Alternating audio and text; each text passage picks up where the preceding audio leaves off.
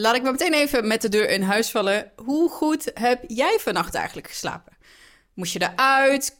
Uh, kon je doorslapen? Of heb je juist als een roosje geslapen?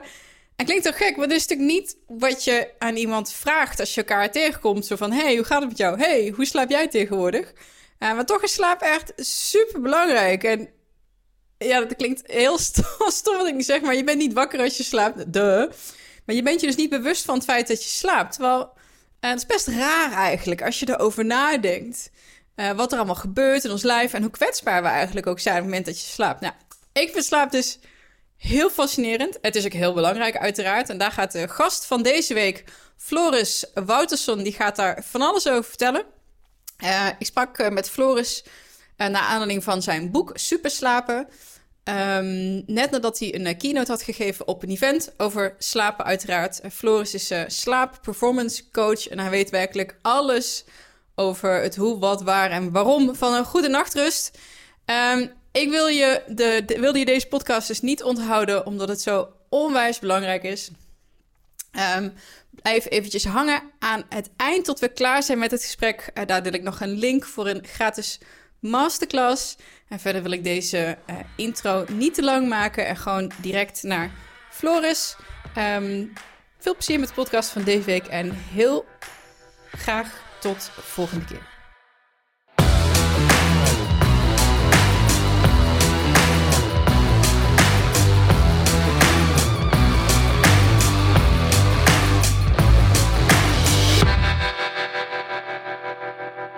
Floris, welkom Hoi. Ja. In de Transformatie Podcast. Je hebt een uh, boek geschreven, Super Slapen. Klopt. En daar gaan we het vandaag uh, over hebben. Maar misschien wel even kort jezelf introduceren. Ja, ik ben uh, Floris Walterson. Ik ben slaapperformance coach. Dat ben ik trouwens niet altijd geweest. mijn achtergrond ligt vooral in de financiële wereld. Dus ik ben bankier geweest. En ik heb daar een periode gekend dat ik zelf niet goed sliep. Maar ook vooral het fenomeen beetje containerbegrip misschien, passion en purpose. Um, als je op een gegeven moment je eigen leugen aan het leven bent en niet meer leuk vindt wat je doet en geen reden hebt om s'morgens uit je bedje te komen, dan gaat het niet helemaal, uh, niet helemaal goed. En um, vroeger vond ik zeg maar carrière en geld verdienen heel belangrijk. En ik dacht dat ik de financiële wereld ook heel erg uh, leuk en interessant vond. Maar ik kwam er meer en meer achter dat het niet mijn, uh, mijn wereld was. terwijl ik dat heel lang heb geloofd, meer dan 13 jaar.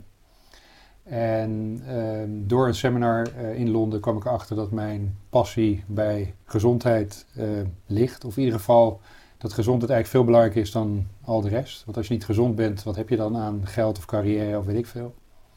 En van lieverlee uh, ben ik dan zeg maar in het slapen gerold, maar dat is ook niet helemaal vanzelf gegaan. want mijn echtgenote, die is denk ik meer dan 17 jaar, 18 jaar geleden begonnen met een slaapcomfortwinkel in het Antwerpse. En ik had toen nog helemaal geen interesse voor slaap überhaupt. Uh, zij wel. Zij uh, was daar wel al heel erg mee, mee bezig. En uh, later ben ik me daar ook heel erg voor gaan, gaan interesseren. Ik ben gepassioneerd nieuwsgierig. En dat wil mooie, zeggen, mooie omschrijving. En dat wil zeggen, als ik iets wil weten, dan wil ik het ook echt goed weten. Dus ik vind het heel leuk om research te doen. Ik ben een absolute veellezer. En ik heb me zeg maar helemaal op dat slapen gefocust inmiddels. En uh, ze hebben dan drie jaar ongeveer mijn kop gezeikt dat ik dat boek moest uh, gaan schrijven. Wie is we? Nou, in ieder geval mijn mastermind uh, mensen, mensen in mijn directe omgeving, dus ook een aantal familieleden. En ik wilde altijd al een boek schrijven, maar ik wist eigenlijk nog niet zo precies waarover. En toen in één keer ging het heel erg snel. Het boek is er en inmiddels ja, ben ik dingen aan het doen die ik nog nooit voor mogelijk gehouden heb. Dus, en dat is de reden waar we hier nu ook zijn. Ik ben nu bij CS-opleiding. Op de zomermarkt, uh, hier zijn alle casusmanagers. Ik weet niet of jij een beetje op de hoogte bent van dat uh, verhaal, maar die zorgen eigenlijk voor een goede en prettige werksfeer. Uh, dat is een hele belangrijke tak van sport. Ook reïntegratie is mensen die buiten het arbeidsproces zijn. Nou, slaap is een belangrijk onderdeel van uiteindelijk goed functioneren. Dus ik mocht hier mijn verhaal doen. Dus ik heb twee workshops gegeven. En ja, ik word er helemaal blij van. Dus, ja. en ik ontmoet allerlei mooie mensen en ik mag op allerlei mooie events staan. Uh, wat ik eigenlijk toen ik in de financiële wereld zat nooit had uh, verwacht. En ik heb elke keer nog mooie uh, verrassingen waar ik tegenaan loop. En binnenkort sta ik bijvoorbeeld bij het begin van het academisch jaar op de VU te spreken. 600 man, de relatie studeren en slapen. ja, ik vind het geweldig. Dus eh, om daar eh, die mensen mee te nemen en te laten zien hoe belangrijk slapen is. Wauw, oké. Er zit een hele hoop eh, in waar ik op in wil haken. Ja. Maar ehm, je zei van, hey, ik was bankier.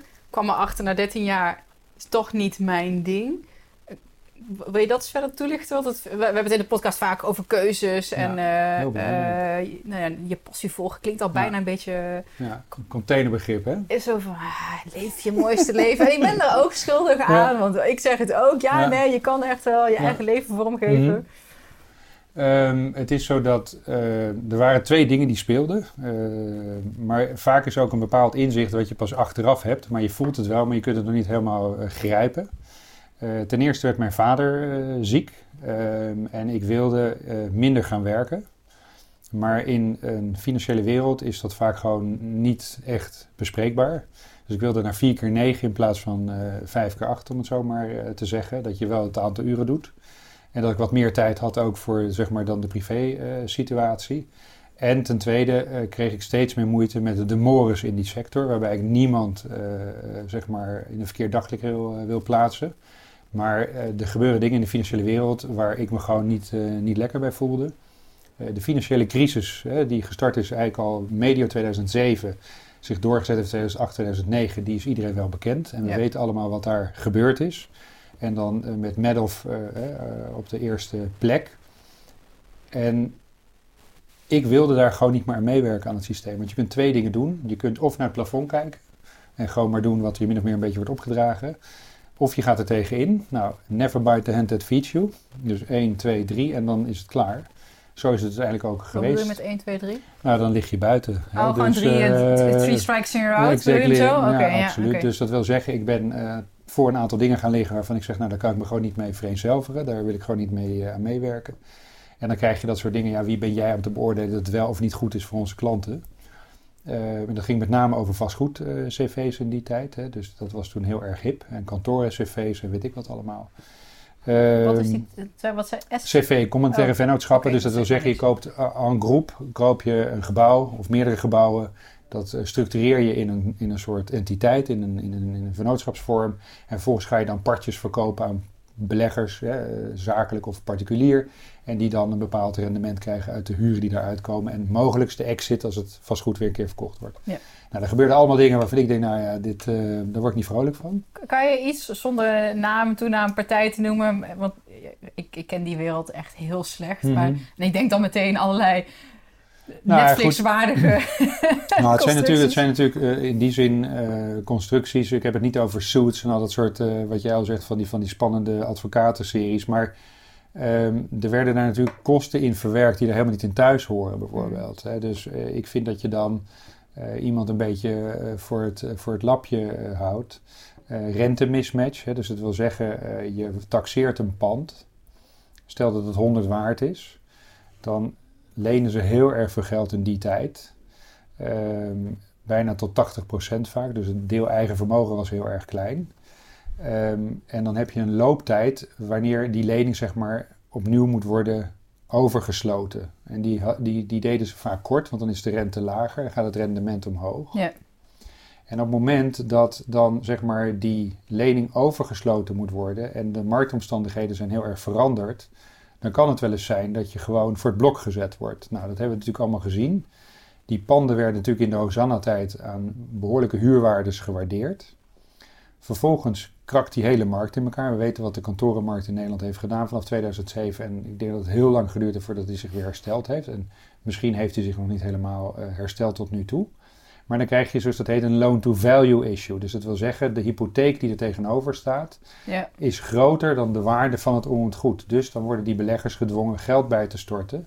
Of ze worden gedwongen het pand te verkopen. Met een verlies. En uiteindelijk kan het zijn dat ze de stekker eruit trekken. Omdat het gewoon niet meer te financieren is. Nou, dat is dus als bij Bosjes gebeurd. Ik heb het niet meegemaakt, maar ik heb het wel aangevoeld. En dat was een van de redenen dat ik daar gewoon weg wilde. Ja, ja, ja. Dus het is een beetje een integriteitsverhaal en, en niks ten nadele van. Dus ik wil die mensen ook allemaal niet in een verkeerd daglicht eh, plaatsen. Maar ik vind gewoon, als je dat niet meer kunt vereenzelvigen met je eigen waarde, dan moet je gewoon je biefs pakken. En dan moet je niet gaan zitten zeiken en zeuren en weet ik wat allemaal. Daar hou ik gewoon niet van. Ik vind dat heel erg belangrijk dat je dan gewoon je eigen keuzes maakt, waar jij het net over hebt. Heel erg belangrijk. En daar ook gewoon voor gaan staan. Ja. En ik moest ook mijn hypotheek betalen. Ja, dus uh, je neemt er, en bij bank heb je nog eens een keer gunstvoorwaarden. Dus je leent nog een keer aan betere voorwaarden dan de gemiddelde man in de straat.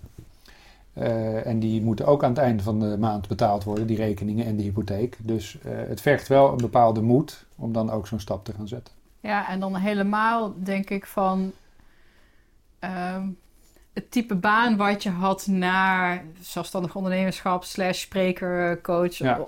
nou goed, Ja, wat, je, klopt. wat je nu doet, Doet, ja. is een, volgens mij een hele, hele grote. ja, is het ook. Hoe was dat radicaal of gelijkmatig? Nee, het is, het is geleidelijk gegaan. Dus ik heb eerst nog een tussenfase gehad waarbij ik zeg maar nog wat ik noem vermogensbegeleiding deed. Dus ik heb nog een aantal vermogende particulieren geassisteerd bij hun. Hè, dus dat was op eigen kracht deed ik dat ook. Eh, nou, ik merkte dat ik daar niet vrolijker van werd. Omdat ik gewoon, ik ben een creatief iemand, ik wil graag creatief bezig zijn en ik wil ook graag gewoon mensen helpen. En natuurlijk met financieel advies en zo kun je ook mensen helpen. Eh, maar het is op een bepaald niveau en het is een Mhm. bepaalde categorie mensen die je helpt, uiteraard. En dat is ook allemaal prima. Maar wat ik nu doe, ehm, ja, daar, daar maak je de mensen zo blij en zo gelukkig mee. En in alle eh, niveaus, zeg maar, ook van de eh, bevolking. En het is ook iets, ehm, eh, als we het hebben over slaap in zijn algemeenheid. Het staat niet prominent op de landkaart. Dus wij zijn de enige primaten die afspraken hebben. We hebben nu ook een afspraak met z'n tweetjes. Maar een kat en een hond en een giraf, die hebben geen afspraken. En die slapen wanneer ze moeten slapen. Eh, gemiddeld, eh, zeg maar, voor een, eh, een, een normaal zoogdier, die slaapt 15,9 uur. Eh, wij hebben de meest gecomprimeerde slaap, hè, ergens tussen de 7 en de 9, laat ik het zo maar eventjes zeggen. Maar het is zo leuk om ehm, ehm, dit verhaal op de landkaart te zetten. Hmm. We weten allemaal dat we voldoende moeten bewegen. We weten allemaal dat we gezond moeten eten. Maar slaap is eigenlijk nog zoiets wat onder de radar eh, vliegt. Maar het is eigenlijk het fundament van de twee. Want ik zeg ook, als je niet goed slaapt, kun je nog zo gezond eten, Mm. kun je nog zo goed bewegen. Je voelt je gewoon belabberd. Dus als dat niet op orde is, ja, zijn die andere twee ook weer minder belangrijk of hebben een minder grote rol. Ik heb mensen geholpen met hun voeding. Ja, En dan denk ik zo, oh nee, ik moet dan wel heel erg ingewikkeld met eh, eiwitten en toestand Ja. doen. En eh, stap 1 was gewoon, oké, hoeveel slaap je nu? ja precies. Ja. Laten we daar beginnen. Ja, maar dit is, dit is heel goed en heel mooi dat je dat ook zegt. En die boodschap wil ik heel graag uitdragen. En ik heb wel eens een beetje gek schertsend gezegd, ik wil een beetje de Jamie Oliver of Sleep eh, zijn. En of dat nou het beste voorbeeld is, dat weet ik niet. Maar hij, liet, zeg maar, zijn, hij leerde zijn volk zeg maar, koken. Ik wil eigenlijk het volk leren, eh, leren slapen. Want er is zoveel onwetendheid over, ook bij bijvoorbeeld huisartsen. Die krijgen ehm, ongeveer een twee uur opleiding over slaap in een hele... eh, dus en dan hebben ze 30 of 40 patiënten per, per dag. Eh, ehm, hoe kun je daar een goede diagnose stellen? Hoe kun je die mensen goed, goed helpen? En ik vind het heel leuk om in dat gat te zitten. Dat is ook de reden dat ik hier vandaag ben. eh, met deze reïntegratiecoaches en dergelijke. ehm, die in feite deze kennis ook weer gaan gebruiken. Een beetje train the trainer. Eh, hoe kunnen we mensen helpen weer snel stappen te maken en goed te slapen? En als ik dan die terugkoppeling krijg, dan word ik gewoon helemaal blij van. Dat Ja, nee, vind ik dat, gewoon helemaal geweldig. ik zie het ook aan je. Ja. Dat is echt helemaal blij. Hoe merkte je dan in, in de tijd dat je bankier was, waar merkte je bij jezelf aan dat die spirit er niet was? Hoe uitte zich dat? Want Ja, ik, de reden dat ik het vraag, we zijn hoofddenk, hoofdwerkers. ja. En, en als je eenmaal in die malle stroom zit, je Ja. bent vast ambitieus, van waar Ja. merkte je aan van, hé, hey, dit is het toch niet? Maar het is, het is ehm, waarom zou ik opstaan? Weet je, eh, als het vuur er niet is voor Kijk, als je vroeger een klein kind was en het was Sinterklaas, eh, dan kon je niet wachten om naar beneden te gaan om te kijken wat er in je schoen zat. Of het was eh, kerst en dan wilde je, had je een, een of andere mooie Lego eh, set gekregen. Nou, je wilde er zo lang mogelijk aan rondknutselen en de dag erop zo snel mogelijk naar beneden om daar verder mee te gaan. Nou, die, die drive, dat gevoel, dat was bij mij gewoon compleet weg. Ik heb dat in het begin wel heel sterk gehad hoor, dat ik het wel heel erg leuk vond. Maar het begon me eigenlijk gewoon eh, steeds meer tegen te staan. Eh, ik ging slecht slapen, ik ging minder goed eten, ik was prikkelbaar, ik was minder aanwezig.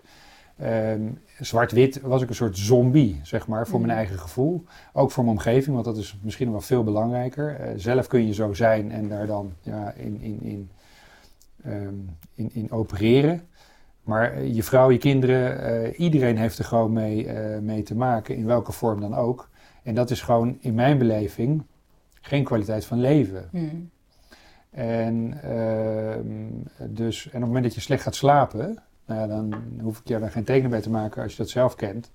Ja, dat, alles heeft daar gewoon invloed op. Dus, eh, dus en ik, ik werd gewoon een beetje lustloos. Ik zou niet zeggen depressief, maar je merkt wel op een gegeven moment dat je gewoon tegen dingen op gaat zien, er geen zin meer in hebt. Eh, je wordt onverschillig, het zal wel. Ja. Weet je, dat soort dingen allemaal. Weet je nog hoe dat proces ging van hoe je bij slaap uiteindelijk uitkwam? Want ik kan me voorstellen dat je denkt, oké, ja, dit is het niet. Slaap was misschien nog niet meteen Nee, eh, helemaal op de niet. radar. Nee, was het zeker niet. Maar dat heeft, is met name door mijn echtgenote gekomen. Ja. Want die is zeg maar in die eh slaapcomfortwereld gestapt. Zij is overigens van, van, van origine half Duits, half Oostenrijks. En zij heeft in Duitsland in Keulen gestudeerd. En dat is een opleiding, dat heet de Möbelfachhochschule. Dat is de enige school in Europa waar je kunt laten opleiden voor hogeschool. Enerzijds dus economische vakken, maar ook helemaal voorbereid op de meubelsector. En zij had al in haar studie gezegd: als ik iets voor mezelf ga doen, is het met slaap. Nou ja, heel bijzonder. Maar goed, waar je mee omgaat, word je mee besmet. Ja. Eh, ze zeggen wel eens: eh, je bent het gemiddelde van de vijf mensen waar je mee omringt. Ja, goed, dus je kunt niet. eh, zij heeft die beslissing toen genomen ergens in 2001, denk ik, of 2000, ergens rond die tijd. En ja, ik rolde daarin, dus ik deed een beetje de financiën eh, en een beetje de marketing, maar het was allemaal nog heel kleinschalig. En ja, vervolgens word je daar steeds meer mee ja, geconfronteerd en eh, je komt ermee in contact en je ziet dat mensen worstelen met hun slaap. Ja. En dat hun, ja, dus want goed slapen, de matras is maar gewoon een onderdeel daarvan. Ik denk wel een heel belangrijk onderdeel. Circa 50% van goed slapen zit hem echt in de matras. Ehm, en waarom ook? Je ligt een derde van je leven in bed. Dus er zijn twee dingen in het leven die denk ik heel bepalend zijn hoe je door het leven gaat. Dat is de eerste keuze van schoenen. Die heb je ook gemiddeld 8, 9, 10 uur, misschien wel 14 uur aan je voeten. Er wordt vaak veel te weinig aandacht aan besteed, maar het is heel erg belangrijk om je lekker en goed te voelen ook. Alhoewel het heel ondergeschikt lijkt, maar het is effectief zo. En ten tweede is je bed. Ja. Dat zijn de gebruiksvoorwerpen die je het meeste, meeste gebruikt. Ik denk trouwens sowieso onze voeten in het algemeen. Het eh, lichaamsstijl waar iedereen Klopt. het minst mooi Ja, aan zichzelf vindt, maar die wel het meeste verduren Ja, krijgen. klopt. Dus, eh, dus zo ben ik er een beetje ingerold en eh, me steeds meer gaan verdiepen in de materie ook. En wat ik al zei, ik ben een veellezer. En ik ben werkbaar van hot naar her gaan lezen over slaap. Dus eh, ik ben gaan lezen ja, alle research die er is. toegankelijk uiteraard, boeken in het Nederlands, het Duits, het Engels. En ik heb, ik heb thuis enorm veel boeken over slaap staan. En nogmaals, ik ben ervaringsdeskundige, dus ik ben geen medicus, ik ben geen arts of wat dan ook. En wat mij opviel bij al die boeken is dat ehm, je wordt wel verteld hoe het horloge in elkaar zit, maar je weet nog steeds niet hoe laat het is. Mhm. En toen heb ik gezegd, als ik een boek ga schrijven, dan ga ik een boek schrijven waar ik de mensen echt help, hè, waar ze nu meteen hup, zelf mee aan de slag kunnen gaan, eh, zonder dat ze eh, wel horen, nou dat en dat eh, is het probleem. Ja, en nu hoe verder. Dus ik heb ook Move the Free Line. Dus ik heb het boek ook zo opgezet dat ik wel eens denk, nou heb ik hier niet te veel weggegeven. Want normaal zou je het ook kunnen verkopen in een training of weet ik veel wat. Mm. Maar ik heb bewust niet gedaan. En dat heeft er ook voor gezorgd uiteindelijk dat ik een 5-star rating gekregen heb in het NRC. Eh, voor ehm, het beste boek eh, op het vlak van het verbeteren van je slaap. En vooral die diepe herstellende nachtrust en je prestaties. En er worden niet zoveel vijf sterren gegeven door eh, meneer of mevrouw NRC. Dus daar was ik ook heel erg blij mee. En dat geeft een beetje aan met hoeveel plezier ik dat boek ook geschreven Ja. heb. Alhoewel het niet altijd even makkelijk was. Want een boek schrijven is best wel een dingetje. En het geeft ook weer stress in je relatie en dat soort dingen allemaal meer. Heb je ook wel weer een nog betere nachtrust eh, voor nodig om dat allemaal weer te, Daarom. te counterbalancen? Ja. Daarom, hè, dus, dus, eh, maar goed, ik heb twee volwassen kinderen. Ik ben zelf 50 jaar geworden vorig jaar. Ehm, en eh, ik heb van hun ook heel veel support eh, gekregen. Maar het is wel zo dat je gewoon ehm, iets heel erg graag moet doen en iets heel erg leuk moet vinden om zeg maar ook zo'n boek te schrijven en eh, het pad op te gaan waar ik nu opgegaan ben. Maar het zaadje ligt toch wel bij mijn vrouw. Eh, misschien een beetje voor de hand liggend. Eh, en zij weet er ook enorm veel van. En ik heb een beetje de weg ge- gekozen van, van coaching. Ik geef vooral workshops, lezingen en masterclass. Dat vind ik ook het leukste om te doen. Ja. Grotere groepen, dat is ook weer nogmaals waarom ik hier ben. hier in, in Ede. Ehm, want je kunt ook één op één coaching doen, wat ik ook doe. Maar dat ben ik een beetje aan het eh, verminderen. Want je hebt maar zoveel uren in een dag. Ja, precies. En ik kan maar één iemand in een uur helpen, bij wijze van spreken. En dan kun je wel zeggen, oké, dan voer ik de prijs een beetje op en dit en dat. Maar ik vind het veel leuker om gewoon heel veel mensen te interesseren voor het thema slaap. Mm. Hoe belangrijk het is, wat je daar kunt doen, hoe je kunt verbeteren. En ik wil ook verder gaan dan dat. Hè. Dus ik wil ook politiek meer aandacht krijgen voor eh, slaap. Eh, op scholen vind ik dat het totaal onderbelicht eh, wordt. Maar ook in het verkeer wordt het heel erg onderbelicht. In de politiek wordt het zeer onderbelicht.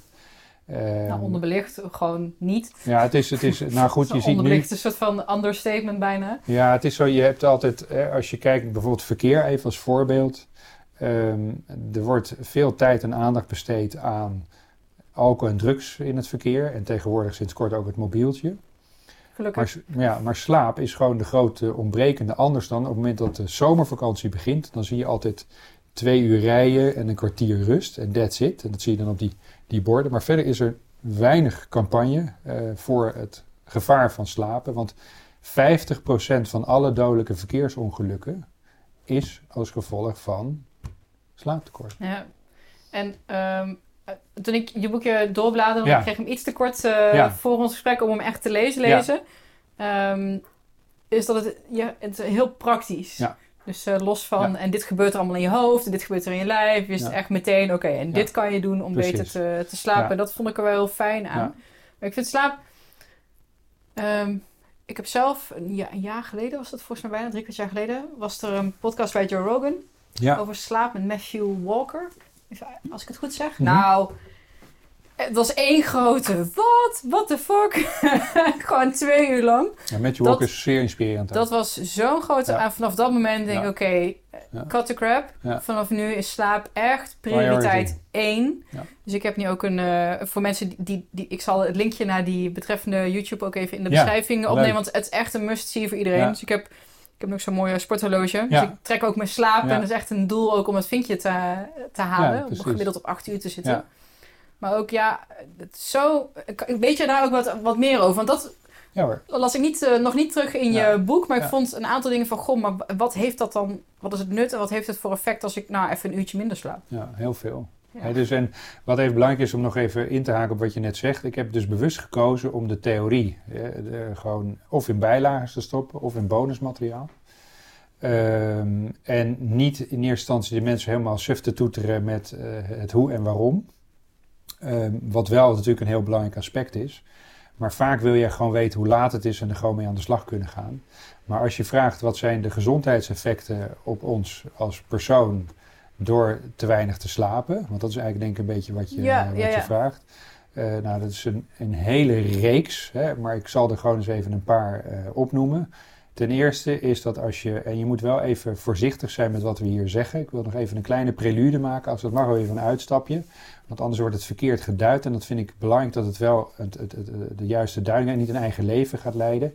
Je moet even kijken naar mensen die zes uur of minder slapen. Dan heb je een soort schemergroep of een grijze groep tussen zes en zeven uur. En dan heb je een groep zeg maar tussen zeven en negen uur. En ik heb het nu even over gewoon volwassenen. En een gewone, normale, gezonde, volwassen persoon slaapt ergens tussen de 7 en de 9 uur. 7 is aan de lage kant en 9 uur is aan de wat hogere kant. Maar ergens in die bandbreedte, dat is het aantal uren wat we nodig hebben om goed te slapen en goed te functioneren. Dan die grijze groep tussen 6 en 7 uur, die zitten eigenlijk al een beetje op de grens. Hmm. En dan heb je die groep van 6 uur of minder. Nu is het zo dat er heel veel slaaponwetendheid is en ook misconceptie. Dus we hebben allemaal onze ideeën over slaap. En ik kan hier nu heel veel onderzoeken gaan aanhalen, maar dat ga ik nu eventjes niet, eh, Mag niet doen. hoor, eh, leef je uit. Nou goed, in die zin, ehm, heel veel mensen die verleggen voor zichzelf de grens, eh, denken met zes uur slapen cognitief nog perfect te functioneren. Dat is gewoon een mindfuck, als ik het zo even mag zeggen. En zes uur of minder slapen is hetzelfde als een hele nacht niet slapen op cognitief vlak, letterlijk. En dat kun je op allerlei plekken terugvinden. Maar als je mensen daarmee confronteert, Wacht nou, even. Zes uur of minder Ja. slapen is gelijk aan, heeft dezelfde effecten als gewoon een Niet. nacht niet slapen. op cognitief niveau. Ja, precies. Dus ik heb het niet over het fysieke herstel, ik heb het vooral Ja. over het cognitieve herstel. Maar de mensen die daarmee confronteerd zijn, dat is bullshit. Nou, er zijn heel veel aandachtstestjes geweest waarbij mensen zeg maar, waren vier groepen en één groep mocht maar vier uur slapen, één groep mocht maar zes uur slapen, één uur mocht gelukkig acht uur slapen en één groep mocht helemaal niet slapen. En dan moesten ze testjes doen met een computer en dan ging er een lichtje aan en uit, drukken, drukken, drukken. En dan afhankelijk van in welke groep ze zaten, gingen ze dan kijken wat de prestaties waren. En wat het beangstige daarvan was overigens, dat de groep van vier uur, die wist dat hij gewoon lousy gepresteerd had. Maar die groep van zes, die presteerde net zo slecht. Maar die had het Ja. idee dat ze het prima gedaan hadden. En, dat, en daar, daar zit de, en dat haalde ik ook uit die, die Matthew, daar zit de mindfuck. Ja, dus en, en daar verschuift dus Ja. onze waarneming. Eh, en er is natuurlijk nog iets dat heet de categorie van kortslapers. Hè? Eh, maar dat is ook iets, mensen denken, ah, ik ben een kortslaper. Dus dat wil zeggen vijf uur en minder en ik voel me nog helemaal goed. Dat is minder dan 1% van de bevolking. En die hebben een afwijking van een heel speciaal gen, dat heet het DEC2-gen. En als je die afwijking hebt, dan ben je iemand die tot de categorie behoort dat je met vijf uur gewoon je super voelt. Ja. Ja? Maar dat is absoluut de minderheid. Dus iedereen die denkt weinig te slapen en daarmee eh, goed te kunnen functioneren mentaal, is gewoon een fabeltje. En dat vinden wij goed om nog te benadrukken, want het is echt super belangrijk wat je zegt. Ja. Je presteert net zo slecht als de slechtst presterende groep, maar je denkt. Ja, dus is echt. Dus heel- we, we, we, we, Ja. we conditioneren onszelf. Ja. We, we, we, denken dat. Hè? We verleggen Ja, de grens. En in feite wordt de grens naar beneden verschoven. Ehm, want je weet eigenlijk helemaal niet meer wat het is om je echt mentaal fris te voelen. ja. Hè, dus eh, dat is een heel, heel belangrijk aspect. Maar ik ga nog even één stapje verder. Ja, als ze zeggen, hè, hoeveel procent is dat dan dat je minder presteert? Ik ga nu een getal noemen, dan val je van je stoel. Het is 400% minder mentaal fris ben je. Met één uur minder slaap? Of Nee, met- met gewoon chronisch zes Chronisch- uur of minder slapen. Oké, oké. Dus een langere tijd. Het ging over twee weken dit onderzoek. Oké. En wat is dat dan eigenlijk? Hè? Wat, dat, wat houdt dat dan eigenlijk in? Want ze moesten drukken op een knop en dan Ja. ging er een lampje aan en uit. En elke keer als het aanging, moesten ze dan hè, daar Reacties achteraan. eh, ja, ja, en dan merkten ze natuurlijk wel of ze snel of niet reageerden. Ze reageerden op een gegeven moment 400% minder. Hè? En dat noemen ze een microdut. En dat is niet te verwarren met een powernap. En een microdut is wil zeggen dat je geest gewoon even helemaal uitstaat. Dus je ogen zijn open, maar je neemt niets meer waar. En je bent eigenlijk gewoon compleet weg. Echt letterlijk weg. En waar zit het grote risico? En daar komen ook al die verkeersongelukken vandaan. Als jij, en ik ga nu niet trouwens een, ehm, eh, hoe noem je dat, een, eh, een, een, een reclameshow houden voor drugs en, en alcohol. ga ik niet doen. Maar als jij gedronken hebt en achter het stuur kruipt, of je hebt eventueel iets eh, genomen en je kruipt, kruipt achter het stuur, en je komt in een gevaarlijke situatie, dan doe je nog iets. Dus je Ja. trekt je stuur naar links, of je trapt op je rem, of weet ik veel wat je doet. Maar bij een microdut doe je niets meer. Je rijdt dus met ogen open letterlijk het gevaar tegemoet. En daardoor zijn die ongelukken ook veel nevaster. Ze zijn eigenlijk nog Mm. gevaarlijker dan eh, drank en drugs. Nogmaals, ik geef hier geen reclame voor te drinken achter het stuur. Maar het moet daarom ook veel meer aandacht hebben. Als je kijkt op de werkvloer, mensen die te weinig slapen, hebben 59% ervan heeft concentratieproblemen. Maar nu gaan we een stap verder. 25% maakt effectief fouten op het werk. Hmm. Stel dat jij eh, op de operatietafel ligt en je dikke darm moet eruit en die arts heeft te weinig geslapen en hij raakt een zenuwbaantje. Ben je dan blij of ben je dan niet blij? Ja. En die, die micro-dutjes, hè, want ik hoorde Ja. dat inderdaad ook bij eh, die meneer Walker voorbij komen. Mhm. Dat was echt zo. Ik viel bijna van mijn stoel inderdaad. Is het, was, is het dat fenomeen of, oh, dat zeg maar de ene hersenhelft is zeg maar online en de andere offline? Nee, dat is het dat of is dat, is dat weer iets anders? Dat is iets heel anders. Dat Oh, is unihemisferisch, kunnen we het ook nog even over hebben. Maar het gaat er hier vooral om. De microdut is eigenlijk, wil eigenlijk zeggen dat je, je hersenen leggen gewoon je, je, je hele boel in coma. Zo moet je het eigenlijk zien. Maar je hebt je ogen open. dat en je is echt eng. En je hebt wel eens dat je naast je partner in de auto zit. Je rijdt te lang. En op een gegeven moment heb je idee, is die gast er nog wel bij? Hè, eh, en ik ken het van mezelf ook. En gelukkig Natasja, zo heet mijn vrouw, die geeft me dan een poor of een stoot. Maar in Mm. feite moet je gewoon aan de kant gaan staan. En gewoon even een pauze nemen of even een powernapje doen. En zijn dat niet de momenten, want ik ken het wel, dan ben je in de auto aan het rijden, dat je Ja, jezelf een beetje zo voelt uitzoomen en dat je echt Ja. met je ogen zit knipperen, raampjes dan maar open. Maar dat je- helpt allemaal dat geen je ruk, echt moet... raampjes Nee, dat- open, radio, kauwgom, helpt helemaal niets. Oké, Dat is ook iets wat we denken, maar dat is niet zo. Hè? Dus die, die microdutting, als het gewoon net op het verkeerde moment is en je bent gewoon even echt helemaal weg, dan kan het fataal zijn. En het zit in, in een split second. Hè? ja, ja. En dat is chronisch, maar hoe zit dat met als je gewoon eens normaal nee, nee, wel... het is algemeen. Het is Ja. algemeen Kijk, het verhaal wat ik net vertelde van die 4, 6 en 8 uur en die groep die helemaal niet mocht slapen. Hè, daar hebben ze gewoon laten zien dat onze cognitieve prestaties knetterhard achteruit Ja. eh, eh, gaan. En terwijl die groep van zes uur denkt dat ze nog heel erg fit zijn. Maar op het moment dat jij een één of twee uur slaaptekort hebt, dan heb je al risico op die microdutjes. Dus het is niet eh, een chronisch verhaal. Oké, dus zelfs als je gewoon maar één nacht of Ja. een- gewoon eh Ja. Huilende baby. Want hoe zit het dan met... Ja, jeetje, iedereen met kleine kinderen zal nu het is gewoon denken... een uitdaging. Het is gewoon Oh, een mijn uitdaging. hemel. Ja, dat klopt ook. Maar dat is ook heel erg belangrijk dat je gewoon je slaap leert te managen. In die zin, als jij gewoon de nacht te weinig hebt geslapen, door kleine kinderen of doordat je ziek bent of weet ik veel wat, is het heel erg goed om te kijken, kan ik een stukje van die slaap op de dag weer terughalen? Maar we hebben helaas niet een cultuur dat we dat doen. En heel veel mensen hebben daar ook weer bepaalde overtuigingen over. Maar als er één ding heilzaam is voor je gezondheid, ten eerste, en ten tweede voor je prestaties, is het die powernap. Hmm. Ehm, alleen wordt die ehm, vaak gezien als lui, als verkeerd, eh, met een kleine eh, disclaimer. Mensen met slaapproblemen moeten niet gaan powernappen. Want? Nou, mensen met slaapproblemen, die hebben een probleem, hè, dat kan zich op drie vlakken afspelen. Dat kan zijn dat je een probleem met je circadiaan ritme, dus je 24 uur klok in feite, daar kan het probleem zitten. Het probleem kan zitten in arousal, dus prikkeling en stress, Hmm. hè, dat is zeg maar het tweede. En de derde categorie is slaapdruk. En s'morgens is er weinig slaapdruk, maar gedurende de dag bouwt zich die op. En op het moment dat eh, je aan het einde van de dag niet voldoende slaapdruk hebt, dus moeite hebt met in- of doorslapen, en dat is vaak met mensen met slaapproblemen, ehm, dan heb je weer moeite om in te slapen. Ga je dan overdag dutten, dan maak je die slaapdruk nog lager dan dat die al zou moeten zijn. En dan heb je s'avonds weer problemen om in te slapen. Maar de grote probleem is, mensen met slaapproblemen hebben dan een slechte nacht. Halen niet het aantal uren wat ze moeten halen, om al- voor allerlei redenen. En daardoor hebben ze veel meer last van die slaperigheid overdag. Dus is de neiging om te gaan neppen overdag heel groot. Maar als je uit dat probleem wil weggeraken, is het heel erg belangrijk daar bepaalde spelregels voor af te spreken. En één daarvan is niet meer neppen. Ja, Dus en voor jezelf ook achterhalen waar... Of het in de arousal zit, Ja. of in wat, Ja, het wat de het- belangrijkste factor is dan. Ja. Welke de belangrijkste factor is. En daarbij is het natuurlijk ook zo, er zijn er nog meer hoor, maar dit zijn vanuit slaapproblemen, even vanuit die invalshoek bekeken. Want je lifestylekeuzes zijn natuurlijk mega bepalend van hoe goed of hoe goed je niet slaapt. Ehm, maar die drie zijn heel erg belangrijk om te onderkennen. En eh, vaak speelt het probleem zich af in twee van die drie. Oké. En het is de belangrijkste, de, de belangrijkste te vinden, daarmee te beginnen en dan vervolgens de volgende aan te pakken.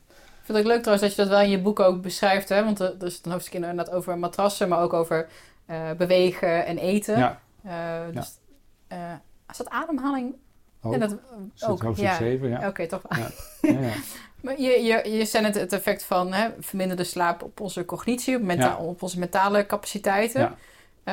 Hoe zit dat met de, onze lichamelijke effecten die wij ervaren als we te weinig slapen? Ja, dus even nog, dat is goed hè, dat je daar nog even op inpikt. maar ehm, wat ik al zei, als jij eh, te weinig slaapt, dan hebben we weer die grens van 6 uur. We hebben dat schemergebied van 6 en 7 uur en 7 en meer. Ehm, laten we even eh, dat schemergebied pakken en die 6 uur. Want we moeten altijd ons focussen natuurlijk op dat stuk dat we weten dat we niet dingen door elkaar gaan halen. Want heel veel mensen gooien slaaptekort en slaapproblemen door elkaar. Maar het zijn twee verschillende dingen. Dat moeten wij even in de gaten houden. Dus ik ga het weer over die groep hebben, over die twee groepen eigenlijk. En dan is het zo dat als jij te weinig slaapt, en een mooi voorbeeld is natuurlijk Elon Musk, die we recent gehad hebben, en Richard Branson, dat heb je misschien vorig jaar een beetje meegekregen. maar eh, Richard Branson is natuurlijk de eigenaar van Virgin. We hebben Elon Musk, eh, oprichter van Tesla, heeft destijds zijn vermogen verdiend, vooral met PayPal. Ehm, en hij moet nog heel erg de wereld redden. Die gast die eh, werkt 18, 19 uur per dag, slaapt heel erg weinig. En op een gegeven moment is er heel veel commotie ontstaan over een tweet die hij verstuurde. Dat hij zei, eh, we halen Tesla van de beurs. En de funding om het van de beurs te halen is al eh, geregeld. Dat bleek een notoire leugen. Overigens, als je te weinig slaapt, is de kans dat je gaat liegen en onethisch gedrag gaat vertonen vele malen groter. Harvard University heeft daar veel onderzoek naar gedaan. Mensen gaan valse declaraties indienen, ze gaan liegen, ze gaan sociaal meeliften. Dus het heeft ook heel veel impact zeg maar, op je eh, werkomgeving of in ieder geval met eh, ja, je collega's. Ehm, maar wat gaat er nou gebeuren met een Elon Musk als je dat op de lange termijn zou gaan bekijken? En hij zou zo weinig blijven slapen. De kans op een beroerte is vier keer groter dan bij een normaal persoon die voldoende slaapt. Dat is dus 400 procent. En alle dingen die ik nu ga noemen, kan ik nog door en door en door gaan, maar ik ga er een aantal opnoemen. Ehm, is 400% uh, groter. Uh, en dit is allemaal evidence-based. Dus dit is niet een of ander half onderzoekje of zo. Er zijn meer dan 7000 rapporten rondom slaap en wat het doet met onze gezondheid. Ongeveer, ik ken het hele precieze aantal natuurlijk ook niet. Maar het klinkt wel spannend, vind je niet? Dus, uh, maar iets in die orde van grootte. Heb jij wel goed geslapen? ja hoor, ik, ik, ik wel. En dan, en dan, en dan um, uh, het tweede is dat uh, de kans dat je dus zeg maar problemen krijgt met je gewicht is heel groot aanwezig. Waarom? Als je niet goed slaapt zijn er twee stofjes in je lichaam die zeg maar je honger en je verzadigingsgevoel reguleren, leptine en ghreline.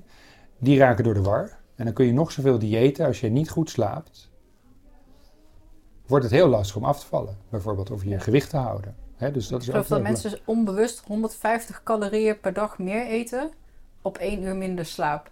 Zonder dat je voor je gevoel anders of meer eet. Ja, dus juist. En denk, ja. eh, eh, ik kom natuurlijk een beetje uit de vitaliteitshoek. Ja. Dus denk ik, is, dat gewoon, ja, als je dat op lange termijn doet. daarom. Dus, dus, dus problemen met je gewicht zijn gewoon voorgeprogrammeerd. Dan niet te onderschatten diabetes, type 2. Dus je krijgt uh, uh, insulineresistentie. Komt omdat je bloedsuikerspiegel niet mooi in balans uh, blijft. Kan ook door voedselkeuzes zijn. Maar vooral door slaaptekort wordt dat veroorzaakt. Je hebt dan zeg maar die bandbreedte. die je hebt tussen die twee belangrijke hormonen van cortisol, je fight and flight en je insuline. En doordat je niet goed slaapt, wordt het ontregeld in feite. En doordat dat ontregeld wordt, krijg je dus te veel van het een en dan weer te veel van het andere in je bloed. En dat zorgt er ook weer voor dat je diabetes type 2 kunt ontwikkelen. Gewoon keihard één op één verband met slaap.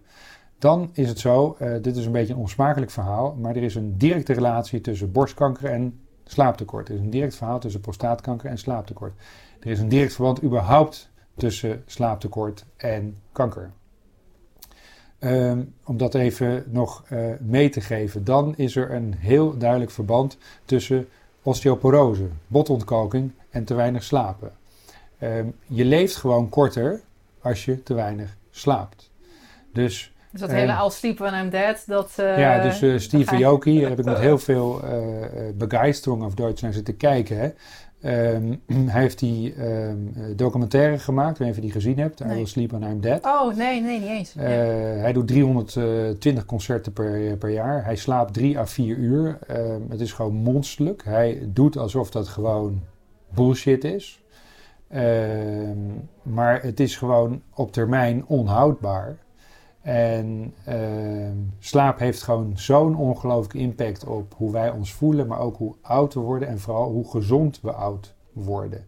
En ik kan wel even doorgaan hoor. Er is een direct verband tussen slaaptekort en Alzheimer. Er is een direct tekort tussen slaaptekort en Parkinson. Er is een direct verband tussen slaaptekort bij kinderen en ADHD. Er is een direct verband tussen autisme. Er is geen enkele medi eh, mediating uh, variable, variabele in het spel. Geen andere Ding, ik ben een wetenschapper, sorry.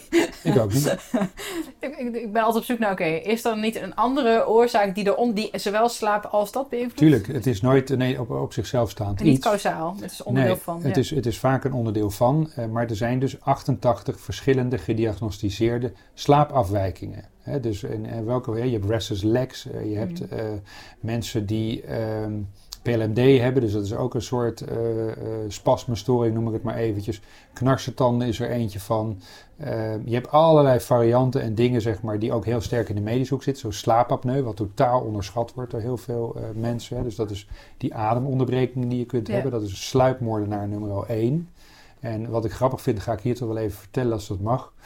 Um, het is zo dat uh, veel partners uh, uh, een van de twee snurkt. Overigens, sorry voor de heren, maar 70% van alle mensen die snurken zijn, zijn van het mannelijke geslacht. Um, maar het grappige is, of misschien niet eens het grappige, het is misschien wat een verkeerd woord wat ik hier kies, maar het paradoxale daarin is dat de man het het probleem vindt van zijn vrouw of zijn partner. Het is gewoon absurd. Ja, jammer voor je, je bent toch ja. nog. ja, alleen dat is ook weer een absoluut idee fix of een verkeerde gedachtegang. Mm. Want stel dat iemand snurkt, wil niet zeggen dat hij meteen slaapapneu heeft. Maar stel dat hij snurkt, dat is vaak een indicatie, het zou slaapapneu kunnen zijn. Dus dat wil zeggen ademonderbrekingen. Heb je in twee varianten, je stopt gewoon met ademen. Super scary als je daarnaast ligt. Of je luchtpijp valt dicht. Waardoor de spierspanning niet klopt en dat soort dingen allemaal meer. Ze hebben ook beide verschillende benamingen. Um, maar waar het hier om gaat, als jouw adem stokt hè, bijvoorbeeld 30, 40 keer per uur, dat is echt heel erg veel. En een paar seconden krijg je hersenen geen zuurstof. Je hart moet veel harder pompen. En het is gewoon een keiharde sluipmoordenaar. Dus die man die zegt, dit is het probleem van zijn vrouw, die moet nog maar eens heel goed nadenken of dat wel klopt. Hmm. Want uiteindelijk is hij degene, als hij een vorm van slaapapneu heeft, die de rekening betaalt met zijn leven. Heel Ja. simpel. Ja. En er is een enorme onderdiagnose, omdat het gebagatelliseerd wordt. Achterschram niet zo belangrijk. Maar denk er ook eens over na wat jij doet als snurken met je partner. Want die slaapt ook alle belabberdst. Ja. Dus als je dan de lange termijn gevolgen ziet van die ik net even geschetst heb. Ehm, van eh, al die gezondheidsproblemen die daarmee samenhangen. Zou ik als koppel, of hoe die samenstelling is, kan ook man-man en vrouw-vrouw zijn, maakt allemaal niet zoveel uit. Maar daar nog eens een keer heel goed over nadenken of dat allemaal wel klopt. En het zeker ehm, op het moment dat er een vermoeden is van ademonderbrekingen daarnaar kijken. En heel veel mannen, maar ook vrouwen in dit geval, leggen het verband niet tussen 's morgens moe zijn en hebben gesnurkt. ja, want hoe, Wat ze niet? waaraan meet je af? Hoe kan je het mak- makkelijkste, snelste meten of je voldoende slaap hebt? Is het hoe je wakker wordt? Is het, is Ja. het, is het dat de... Maar het is ook weer een, een, een spannende vraag hoor, eh, die hij stelt. Want je kunt hem niet zomaar in 1, 2, 3 eh, beantwoorden. Maar er zijn wel een paar vuistregeltjes waar je je naar kan richten. Ehm, want we moeten één ding niet vergeten. En ik ga nu, hè, ik, ik spreek graag de waarheid, maar dat is natuurlijk mijn waarheid. Dus laten we het ook een beetje relativeren. Het is heel erg belangrijk om te weten dat eh, mensen hun leven vaak zo hebben ingericht dat ze de verkeerde keuzes maken gedurende de dag in voedsel of niet of wel bewegen of eh, wel of geen koffie, wel of geen alcohol, noem het allemaal op. Stress. Precies, stress is een hele belangrijke ook, die ervoor zorgen dat je gewoon s'morgens als een zombie wakker wordt. Dus Kijk naar jouw eh, Ja, ervaring. Ja. Daarom, dus, dus begin maar eens daarnaar te kijken. Gewoon kritisch naar jezelf te durven zijn. Ehm, haal ik het beste eruit? Hè? Of, ehm, ja, is niet zo belangrijk, maar oma is er ook 90 mee geworden en ik steek nog even een sigaret op. Of we doen een, Grieks ontbijtje. Hè? Dat zijn twee sigaretten en een kop koffie. Geweldig, hartstikke lekker. Hè? Maar het gaat jou niet helpen om 's morgens fit en vitaal wakker te worden. Hè? Nee. Dus eh, als we het hebben over cafeïne of over nicotine of over Red Bull, of noem al dit soort dingetjes maar op. Dus dat is één kant van de medaille waar je gewoon even goed naar moet, eh, moet kijken. Dus wat heb je allemaal gedaan en is de reden dat je 's morgens wattig wakker wordt? Dat is stap 1. Stap 2 is, wat is je chronotype? En chronotype wil in feite zeggen, ben je eerder een ochtendmens? Ben je eerder een avondmens? Of zoals ze dat noemen zo mooi in het Engels, een in-betweener. Dus sommige mensen die zijn eigenlijk niet echt ochtend-avond. Die hebben een bepaalde eh, eh, tijd dat ze gewoon prima functioneren. Ochtendmensen zijn s'morgens fit, fever, wakker, whatever. Avondmensen worden dan knettergek van eh, dat soort mensen, want dat, dat, dat, dat, dat matcht vaak niet. En avondmensen die zijn s'avonds super actief. Nou is het zo dat wij helaas in onze maatschappij, wat ik net al even aangaf, we worden allemaal in een 9 tot 5 keurslijf geduwd. Maar de, voor de avondmensen zijn die zijn altijd in het nadeel. Want zij hebben, zo te zeggen, hun melatoninepiek later op de avond. Waardoor pas later dat startschot komt. Ik ben nu slapen en ik ga naar bed. Dat is een verschuiving van in de regel tussen anderhalf en twee uur. Maar die moeten dus morgens wel vroeg uit. Terwijl eigenlijk zij nog die twee uur of anderhalf uur Ja. nodig hebben. Om eh, hun slaapcyclus volledig vol te maken. Ja. En dat is eigenlijk oneerlijk, tussen aanhalingstekens. Dus op het moment dat jij een avondmens bent en je wordt gedwongen toch om zeven uur je bed uit te gaan, en ik ga ze dan maar even uit de droom halen, is het heel lastig om frit en fris en fruitig op te staan. ja. Maar stel nou dat, oké, ik ben een eh, ochtendmens. Eh, ik eh, heb niet overmatig eh, stress of andere lifestyle eh, keuzes. Ehm, hoe weet ik dan of... Hoe kan ik meten of de slaap die ik heb, of Ja. dat kwalitatief goede slaap is? Maar goed, je, dat zijn, je hebt zeg maar een paar subjectieve factoren die je voor jezelf kunt eh, bekijken. Hè, ben je vaak wakker? Ehm, ben je zo te zeggen lichte slaper? Dus word je heel snel van allerlei geluidjes en dat soort dingen allemaal wakker. Ehm, en je voelt al als je 's morgens wakker wordt, eh, dit was hem toch niet helemaal, hè, deze nacht. Maar dat kan dus allerlei verschillende oorzaken hebben. Maar stel nou dat je voor je gevoel een goede nacht hebt gehad, want dat komt ook voor. Je staat op, je ontbijt even, weet ik wat je doet, je gaat even douchen, bla bla bla. Als je rond een uur of elf gewoon weer moe bent en je voelt gewoon zo'n gevoel, Ja, dan is de kans heel reëel dat je gewoon s'nachts niet voldoende kwalitatieve slaap hebt gehad. Dat is een hele slimme en makkelijke indicator. Dus als je... Nou oké, ik ga even... Het makkelijkste voor mij is altijd om gewoon even naar mijn eigen patroon te kijken. Ik ben, ik ben echt een ochtendmens. Ik ben eh, en nu in de zomer helemaal, ook omdat er heel veel vogels bij mij eh, in de buurt zitten. Dus als Ja. die wakker zijn, ben ik ook wakker. Klopt, ja. Maar bij mij is mijn dag wel rond vier uur zo'n beetje. Dan merk ik al, ik hoef nu geen mentale arbeid, moet ik eigenlijk meer verrichten. Dat, dat Ja. gebeurt echt in de ochtend. Maar negen uur, ik wil uiterlijk om tien uur wel in mijn bed liggen. En ehm, ja, het is dan wel dat ik afmeet, oh, hoe word ik wakker? Maar ik word bijna altijd wel gewoon opgewekt, Ja, fris ja, wakker, Ja. zeg maar. Ik weet dat ik een ontzettende luxe positie heb, zeg maar, in hoe ik mijn leven mag eh, ja dan heb je, inrichten. heb je zelf gecreëerd. Absoluut. Want er was ook een tijd dat wel de wekker gewoon... eh, eh, eh, eh, eh, Het verschrikkelijke geluid van de wereld. Als je, waarom, waarom laten mensen zich zo wekken, denk ik. dan. Oh, maar goed. Eens? Maar het is gewoon de subjectieve eh, eh, beleving. Want je zei eh, straks ook, we kunnen onszelf ook een beetje voor de gek houden. Van Ja. nee hoor, en ik functioneer nog helemaal prima. Dus dat is ook een beetje gevaarlijk. Ja, gevaarlijk. Dat, dat hoeft niet... is niet alles wat er is. Ook omdat we die onszelf een beetje wijs maken. Van ja, het was een korte nacht, maar het Ja. gaat helemaal prima. Ja. Dan kan je nog op een andere manier bijvoorbeeld bijhouden of die slaapkwaliteit goed is. Want, nou wacht, ik ga hem anders inleiden. Want ik, ik, ik, ging, ik wist, nou, ik- oké, ik ga, we gaan dit gesprek hebben. Ja. En ik heb natuurlijk ook, eh, dat, dat is die meneer, meneer Walker eh, geluisterd eh, een paar maanden terug. Ja. En zag ik het boekje staan, nee hoor, acht uur slaap, dat is een mythe. En toen dacht ik, oh, dat wordt een interessant gesprek. Maar, nee, van, ehm, hoe, hoe moeten we het dan Maar af- kijk, de, de, de acht uur slaap ehm, is een mythe. Dat heeft er veel meer mee te maken dat ehm, er van alles en nog wat door de wereld heen. Het zijn verkeerde aannames, laat ik het zo eventjes zeggen. Slaap is gewoon heel erg individueel. Jij hebt een andere schoenenmaat dan ik, jij hebt een ander calorieverbruik eh, dan ik. En de kans is ook heel groot dat jij een andere slaapbehoefte hebt dan ik. Dan moet je nog een onderscheid maken tussen, stel ik ben een kenniswerker en ik zit veel op mijn stoel en achter mijn bureau en ik beweeg relatief weinig. Of ik sta de hele dag in de tuin en ik ben gewoon een tuin aan het aanleggen. Of ik ben een sporter of ik ben iemand die fysiek heel erg actief voor de klas staat? maar Precies, wat, dus ja. ook daar is de slaapbehoefte verschillend. Kijken we naar topsporters, nemen we Roger Federer, dat is een eh, Grand Slam eh, winnaar, zelfs 20 keer inmiddels. Die slaapt 11 tot 12 uur. Nemen we Lindsey Vonn, die slaapt 10 uur. Hebben we Usain Bolt, de, de, de snelste man eh, ter wereld, die slaapt eh, bijna 9, 9,5 uur. Eh, dat zijn mensen die fysiek heel erg veel inspanningen leveren. Dus die, eh, dat onderscheid moet je maken. Maar waarom ik zeg dat 8 uur slapen mythe is, sommige mensen die denken dat als ik 8 uur niet geslapen heb, dan ben ik niet fris en monter. Oh, Maar is dat effectief wel zo. Misschien functioneer je zelfs beter om door maar zeven uur te slapen. Dus het is belangrijk op zoek te gaan naar je natuurlijke slaapbehoeften. Door hoe we ons leven ingericht hebben, zijn we daar vaak een beetje eh, ja, vreemd van geworden. Maar op vakantie is het zo, als je het een beetje normaal doet en niet naar Ibiza gaat en in de Ushuaia staat en gewoon lekker eh, eh, leuke dingen gaat doen.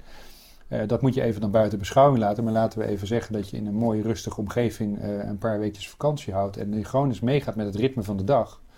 Wanneer je dus moe wordt en wanneer je zin hebt om wat te gaan koken en wat te gaan eten. En uiteindelijk iets te lezen, misschien naar bed te gaan. En een beetje de normale dingen te doen. En dan gewoon op te staan op je wakker wordt. En je zou dat een paar eh, dagen of misschien weken kunnen monitoren. Dan zul je zien dat jouw ritme een hele andere is dan dat je waarschijnlijk nu in de praktijk hebt. En dat is bepaald door de context. Want als jij nu kleine kinderen hebt, zal je leven er heel anders uitzien dan dat jij gewoon eh, kinderen hebt die bijvoorbeeld dat huis uit zijn. Of Of helemaal in een hele kind. drukke straat woont. Whatever. alles gebeurt, ja. Dus die context en die omgeving heeft een enorme impact daarop. Maar gewoon te denken, ik heb acht uur slaap nodig, want anders voel ik me niet goed.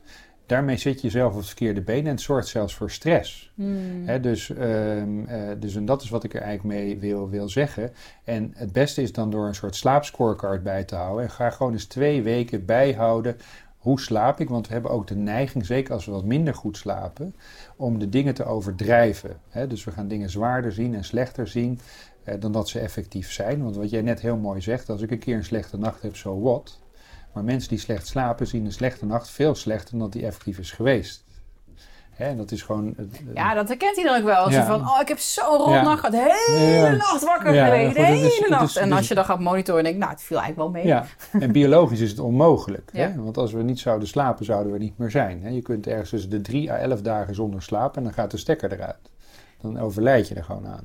Heb je dat, eh, dat heb je vast ook voorbij zien komen. Ik vond het een heel mooi eh, verhaal. Die discjockey die eh, het wereldrecord niet slapen wilde verbreken. Ja, Die helemaal, die zat in een soort van, hoe heet dat hier ook alweer? Dat glazen huis wat we hier doen. die kubus weet ik niet hoe die precies Ja, heet. we hebben elk Ja. jaar, nou, Ja, die, die had ook zo'n radiostation en die ging dan op in New York ergens een bekende plek. Klopt. Ik ga wakker blijven, ik ga het wereldrecord verbreken. En die dat na drie dagen niet slapen. nee. Dacht hij dat iedereen hem wilde vergiftigen. Ja. Dat de politie achter hem aan zat. Ja. Hallucineren. Die werd on the air. Ja. Dus natuurlijk, die werd heel, volgens mij had hij acht dagen of zo Ja. uiteindelijk. Het record eh, staat op 11 dagen. Uit 1964, Randy Gardner. hoe dan? Maar ehm, je moet maar eens lezen eh, hoeveel jaren het geduurd heeft voordat die kerel zijn leven op orde had. Echt waar? Ja. Weet je daar iets van? Die, want ik vind wel Nou goed, ze, ze- wat jij zegt, ze hallucineren, ze kunnen geen samenstellende zinnen. Zijn geheugen was gewoon voetzie. Eh, er zijn allemaal aspecten door 11 dagen niet te slapen. Maar ik wil nog wel een stap verder gaan hoor. Eh, ik weet niet of je eens gehoord hebt van het magische rondje. Maar Nee. dat is heel bekend in de financiële wereld, vooral in Londen. En dat wil zeggen dat je 72 uur aan één stuk doorwerkt zonder te slapen. Dat is eh, het magische rondje. Dat oh, noemen ze het magische rondje. En dat doe je eigenlijk om een beetje indruk te maken op je werkgever. In 2015 was er ook een meneer die heette Morris Eerhard. Die ging eh, naar huis. Dan zeg je tegen de taxi even wachten alsjeblieft. Ik ga even douchen, kleed me om en dan kom ik weer terug en dan ga ik weer naar het werk. Zo gezegd, zo gedaan. Uiteindelijk is hij na drie dagen overleden. Door slaaptekort als gevolg van hevige epile- epileptische aanvallen. Dus het is echt, slaaptekort is echt levensbedreigend. Waarom in hemelsnaam doen dan chirurgen en Ja. ziekenhuizen draaien die, Ja. die diensten waarvan Ja. ik denk, maar hoe dan? Ik wil niet geopereerd worden Dat door een moordend. chirurg die in zijn tweede, tweede dienst zit. Ja, dat is ook zo. Maar het is moordend. Maar kijk, we hebben die mensen, we hebben brandweermannen nodig, we hebben artsen nodig, we hebben mensen die eh, het leger eh, bijvoorbeeld, hè, de, het land verdedigen en politiemensen. Eh, maar ook shiftworkers, piloten, kapiteinen, noem het allemaal maar op. Dat gaat helemaal tegen onze natuur in. Eh, als je een avondmens bent, kun je bijvoorbeeld daar al wat beter mee overweg dan eh, mensen die een ochtendmens eh, zijn. Maar echt gezond is het niet. En het is ook bewezen dat shiftwork en al dat soort dingen je leven gewoon verkort, maar ook gepaard gaat met heel veel gezondheidsklachten. Ja. En ik heb kapiteins die ik begeleid in de haven van Antwerpen. En die hebben een week op en een week af. En die eh, zitten op bunkerschepen. Dus eh, die bunkeren olie. En dat moet dan heen en weer en weet ik wat allemaal. En containerschepen. En die worden op de meest vreemde tijden geladen en gelost. Midden in de nacht en weet ik veel waar. Maar die hebben een week op en een week af. Want er zijn ook regels voor wat wel mag en wat niet mag, et cetera, et cetera. Als ik die mensen spreek, ze komen dan in de week dat ze vrij hebben. Het duurt drie dagen voordat ze eigenlijk weer een beetje beginnen te functioneren. Dus dat wil zeggen, van jouw vrije week ben je eigenlijk alweer bijna de helft kwijt om goed te kunnen functioneren. Dan moet er toch eigenlijk een enorme shift plaatsvinden in perceptie, ook bij eh, werkgevers. Daarom ben ik hier vandaag. Ja, ja. Met een spandoek. Ja, dat is. Slaap. Ja. Ja, nee, het is, het is absurd. Ja. Ehm, ik vond het heel grappig dat je net zei, hè, je, je, je zo'n slaapscorekaart eh, bijhouden. En, Ja. en als je tijd hebt in de vakantie, je natuurlijk ritme terugvinden. Ik heb dat soort van per ongeluk eh, gedaan, Gedaan. twee jaar terug. Ja. En dat was echt een enorme eye-opening. Ja. Twee weken, of ja, uiteindelijk vier weken, maar twee weken in de jungle in Peru geweest. Heerlijk. Ehm, in indiaanstam, een, een retraite gedaan. Ja. Geen stroom, geen stromend water. eh, dus ook Geen geen, wifi. gsm. Geen gsm, Heerlijk. ook geen, geen licht, geen Ja. lampen. En Ja. eh, nou, donker is donker, licht is Ja. licht. Dus ja, om acht uur s'avonds ga je slapen. Maar het is om, daar ook veel donkerder, want je hebt geen lichtvervuiling. En dan doe je dus veel minder. Een beetje lezen, een beetje hangen en eh, eh, nou, alle ceremonies en zo doen. Maar dan denk ik, ik slaap eigenlijk best wel lang. Weet je wel, eigenlijk gewoon 10, 12 uur per nacht bijna Ja. als het donker is. Want je, je hebt ook niks te doen Nee. dan. Je hebt ook geen lampje. Ik had wel een Ja. lampje, maar ik denk, ja, nou Ja. zo onder mijn klamboe met een lampje en een boekje. Ik ga wel gewoon lekker een beetje liggen. Ja.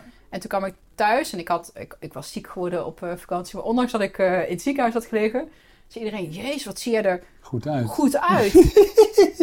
maar ik denk, dat is eigenlijk Mooi, alleen maar omdat ik gewoon twee weken Ja. lang Ja. geen blauwe schermen heb gehad. Maar gewoon echt helemaal ondergedompeld in het ritme, zeg Geweldig. maar. En zo simpel kan het zijn. Zo hè? simpel is het.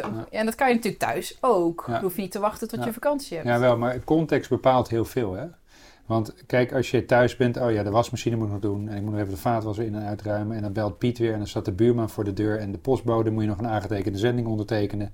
je kunt ook niet loskoppelen, want je associeert dat met al die dingen die je daar de hele dag hebt te doen. Op het moment dat jij naar een andere omgeving gaat, stel dat je ergens gaat kamperen op Schiermonnikoog, in een gezellig tentje en uh, that's it, dan zul je zien dat je veel sneller daar komt waar jij het nu over hebt. Ja. Dus in je eigen omgeving, het kan best, maar alle neuroassociaties die daar eh, zijn, die zijn er. En die heb je niet meteen weggeknipt. Is dat wat jij bedoelt met hè, creëren? Je slaapkamer oase Ja, in, ja, je, in je boek. Want Ja. misschien ook goed om daar even in te zoomen. Want ik denk dat inmiddels de boodschap van Ja. mensen... Dit is echt heel belangrijk.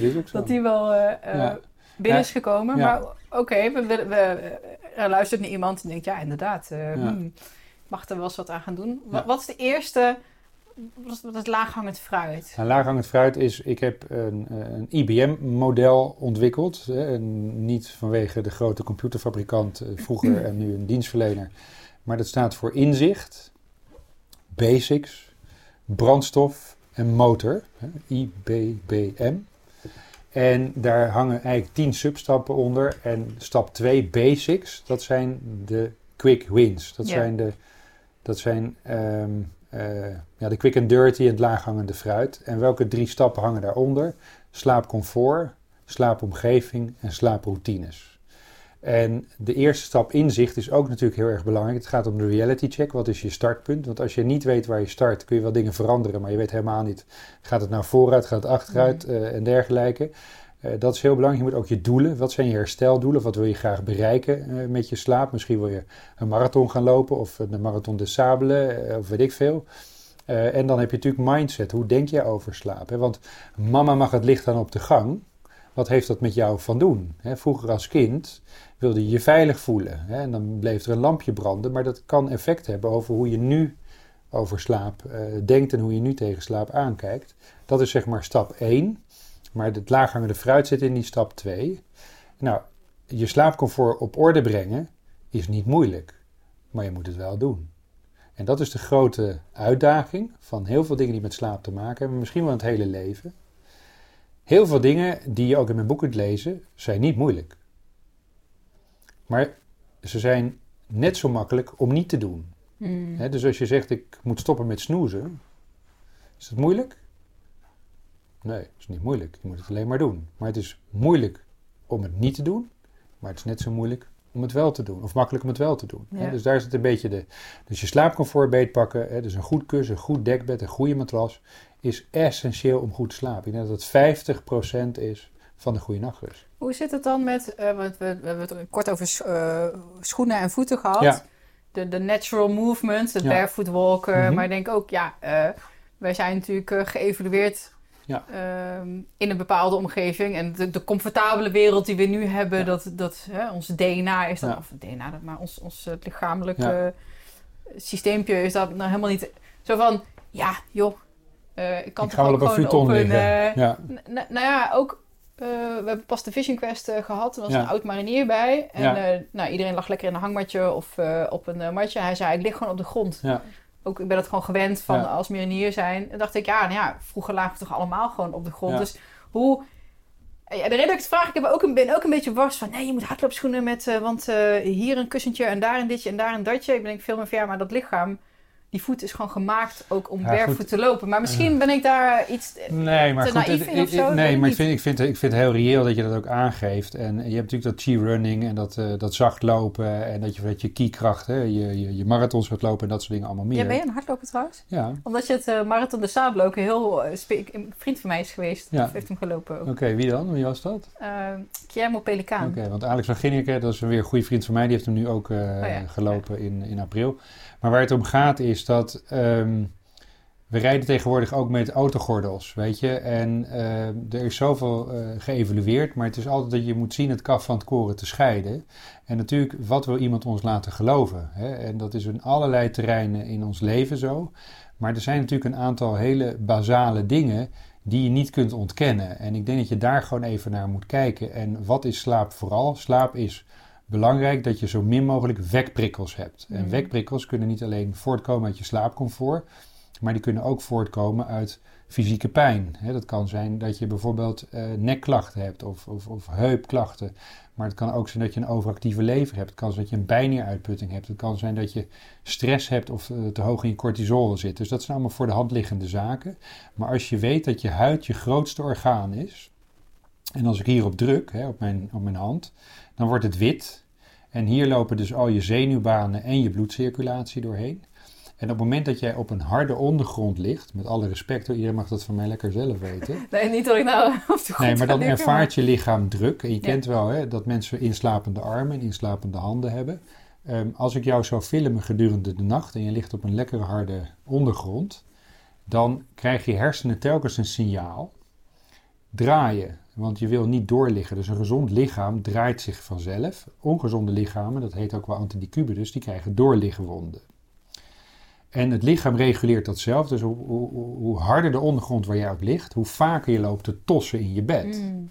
Dus je komt telkens uit je diepslaap, draai, draai, draai, hup terug, dit, dit, dit. Dus je fragmenteert veel meer je slaapkwaliteit. Wat in mijn beleving gewoon onwenselijk is. Ja, hè? Ja, ja. En dan kun je wel zeggen, ja, in Japan slapen ze op futons. Dat zijn knetterharde dingen. Aziaten slapen sowieso veel en veel harder. Maar het feit dat ze dat doen wil niet zeggen dat het het beste is tussen aanhalingstekens. Mm. Ik ga voor het optimum. Iedereen moet maar zelf bepalen wat hij belangrijk vindt. Ik weet alleen door die wekprikkels weg te halen. Je vaster en dieper en beter gaat slapen. Maar daar hoort ook een goed kussen bij. Daar hoort ook een goed dekbed bij. Want een hele bepalende factor om goed te slapen is temperatuur. Ja. En temperatuur is niet alleen je slaapkamertemperatuur, maar is ook je dekbed. Ja. En als je dat niet goed regelt, dan, je weet wat het is nu met het warme weer, slaap jij goed? Veel minder goed dan dat het koeler is, bijvoorbeeld. Nou, er zijn dus hele goede varianten qua dekbedden, sorry, die ervoor zorgen dat ook dat fenomeen weer verkleind wordt. En nogmaals, ook is het niet allemaal onzin of hè, moet het allemaal wel geloven. Je zegt net het hele mooie voorbeeld van Peru.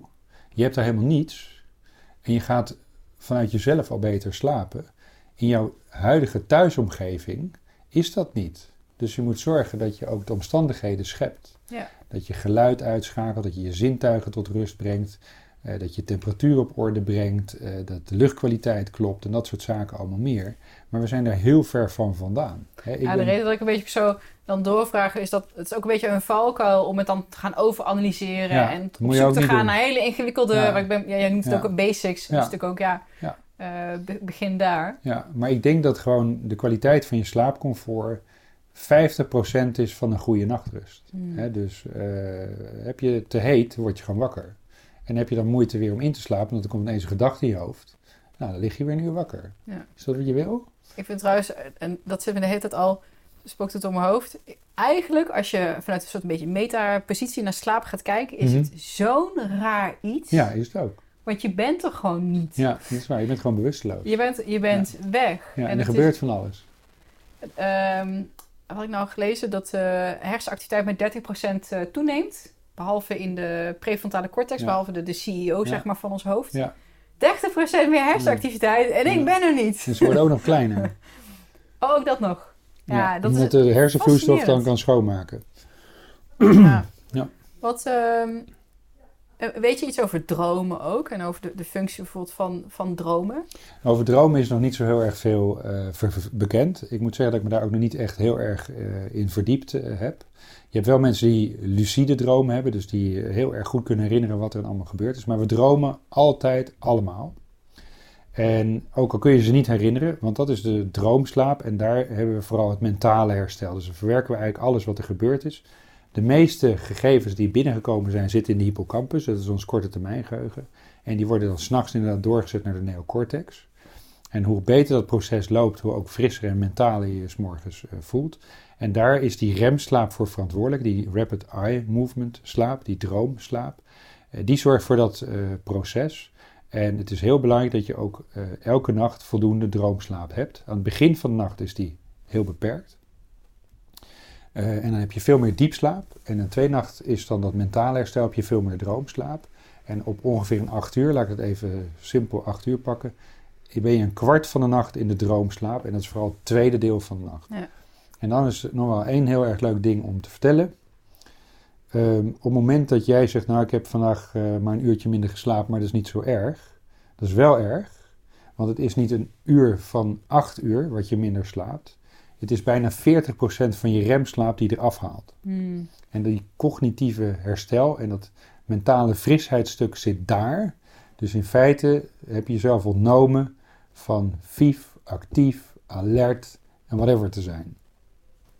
En eh, dat is denk ik ook heel belangrijk dat mensen zich dat beseffen. Ja, want het lijkt maar een uurtje. Maar dat als je van mijn rem slaapt, Ja. dan is het ineens... eh, Dit is de helft. Is het de helft. Bam! Weg. Heb je dat ook? En Misschien hebben meer mensen dat. Eh, Op het moment dat ik dan te vroeg wakker ben, eh, soms dan nog van zelfs voor vijf uur, en, en dat ik dan weer in slaap val, Ja, eh, gelukkig. Maar dat zijn altijd de momenten dat ik mijn dromen wel onthoud. ja. En is dat dan omdat ik lichter slaap of zo? Of, Nou, ik vind sowieso het grappig dat je dan wel je dromen... Droomslaap is sowieso altijd lichte slaap. Hè? Dus, eh, maar het is heel erg afhankelijk van eh, of je ze wel of niet herinnert. Ik weet niet hoe dat precies werkt. Eh, er zijn vooral in Japan veel onderzoeken hier naar gaande.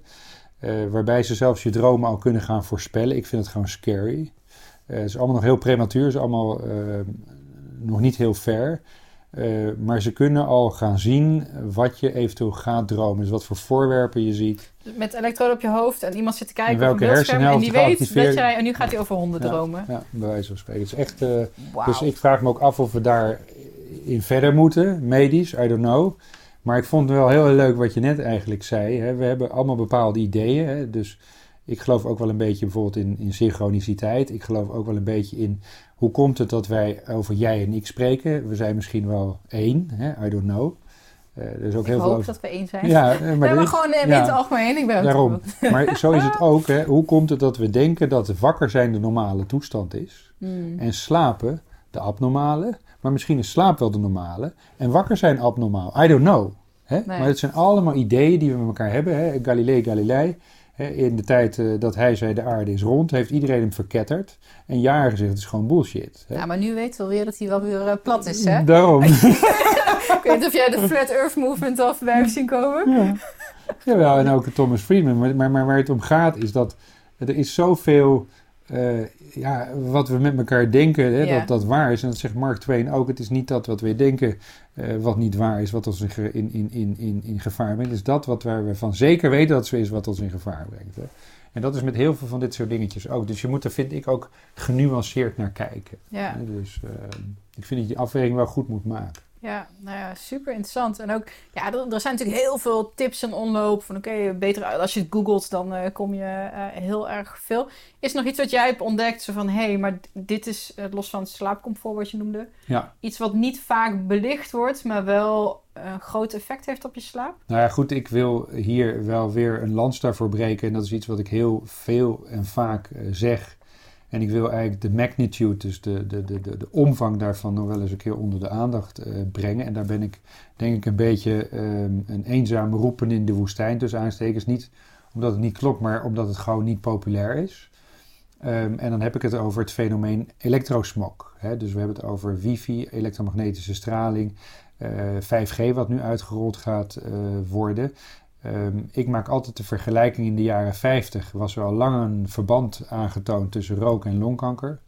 Het heeft 7000 rapporten geduurd en 30 jaar voordat de overheden zijn gaan voorlichten dat roken slecht is voor je gezondheid. Ehm, ik denk dat elektrosmog, in welke vorm dan ook, eh, wifi, 4G, elektromagnetische straling, enorm slecht is voor ons als mens. En ook de hoeveelheid overprikkeling die ermee samenhangt. Ehm, net als de tabakslobby zijn alle telefoonmaatschappijen en iedereen die ook maar die spullen maakt en produceert, hebben een enorm economisch belang daarbij. De Wereldgezondheidsorganisatie heeft tegen gsm's gezegd, het is dus type B2 of 2B. En dat wil zeggen, ze durven nog niet te zeggen dat het kankerverwekkend is, terwijl er al genoeg bewijs voor is.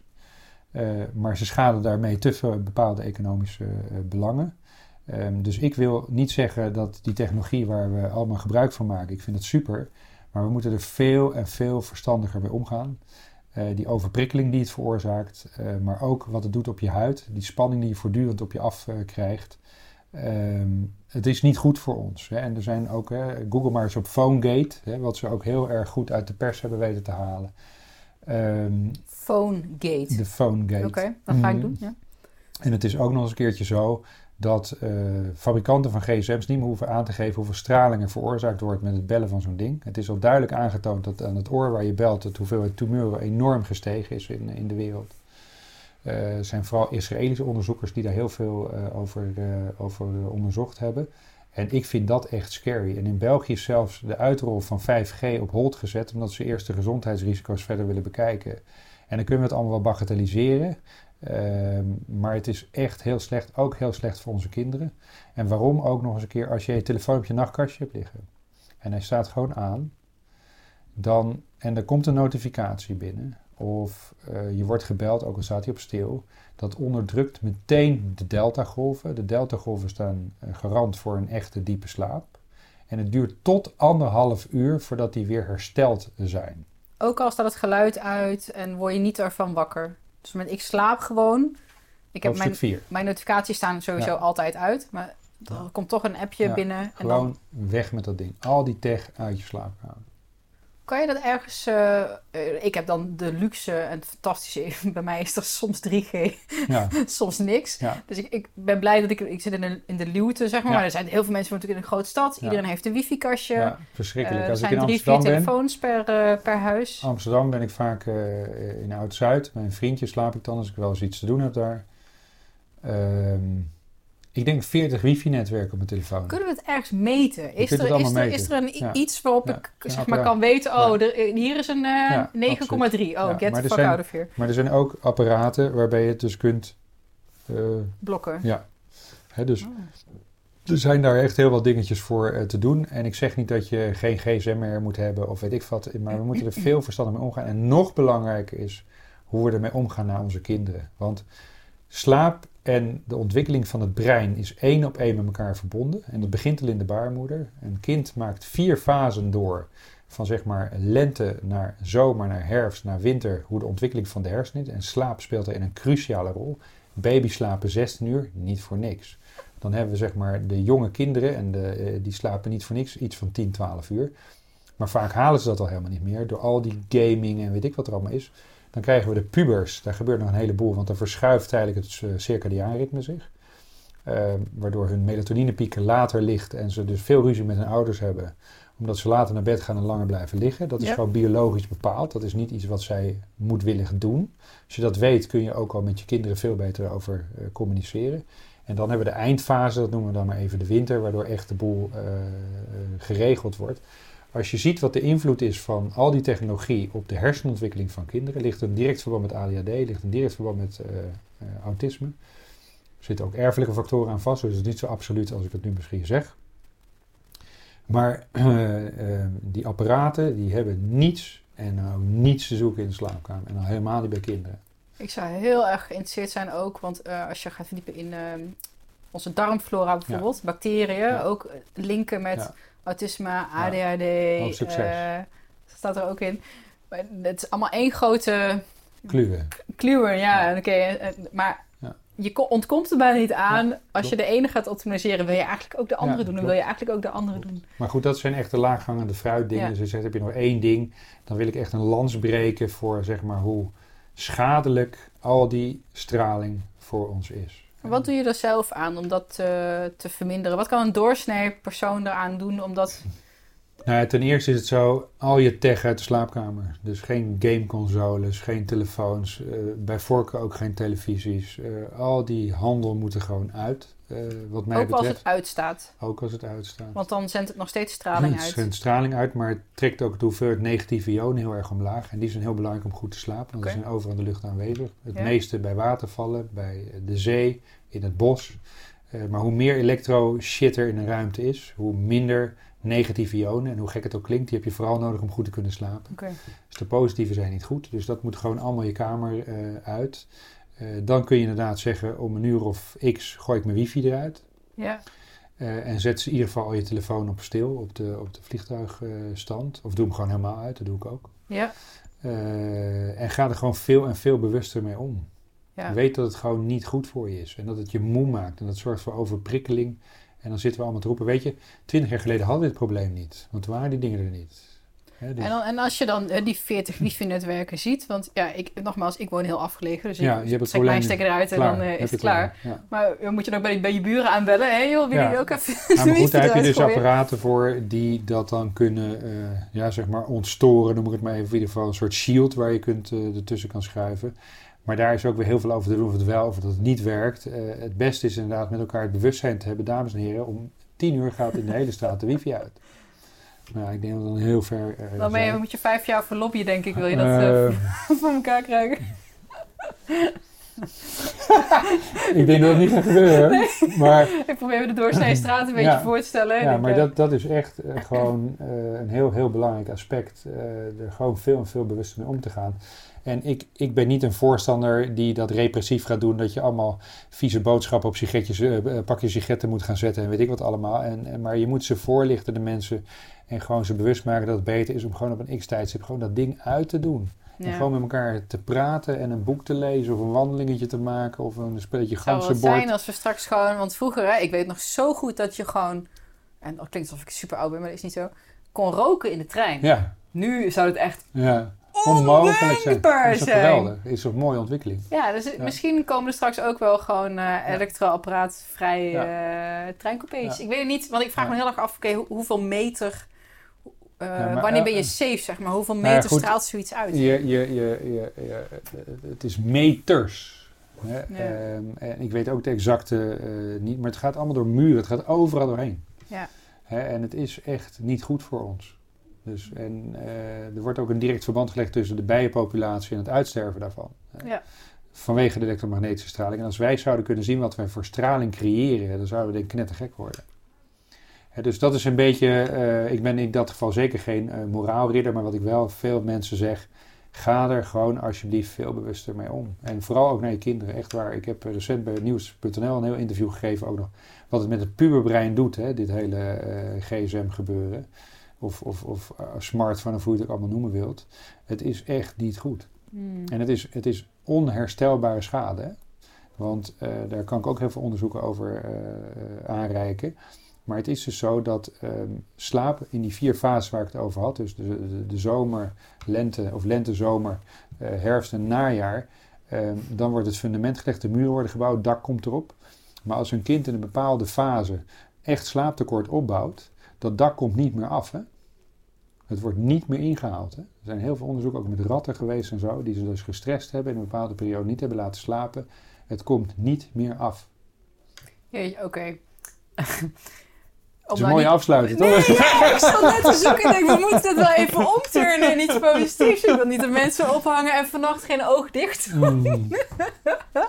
Omdat ze denken, Nee. oh mijn hemel. Ja, nou, waar dat moet klopt. ik... eh, Dat klopt. ja, Hè, maar het is, het is gewoon zo, als je goed, goed slaapt, je hebt een beter libido, je bent frisser, fitter, eh, je bent een fijnere collega. Het heeft zoveel, weet je, anders geformuleerd, als je naar alle voordelen van slaap kijkt, hè, die gewoon huge zijn. Hè? Mm. En stel jij en ik, die beginnen een nieuw bedrijf en we noemen dat slaappharma.nl of zoiets. Lijkt me best een leuke naam. En we gaan al die positieve eigenschappen gaan wij in een pilletje stoppen. Ik denk dat wij ons helemaal ziek verdienen.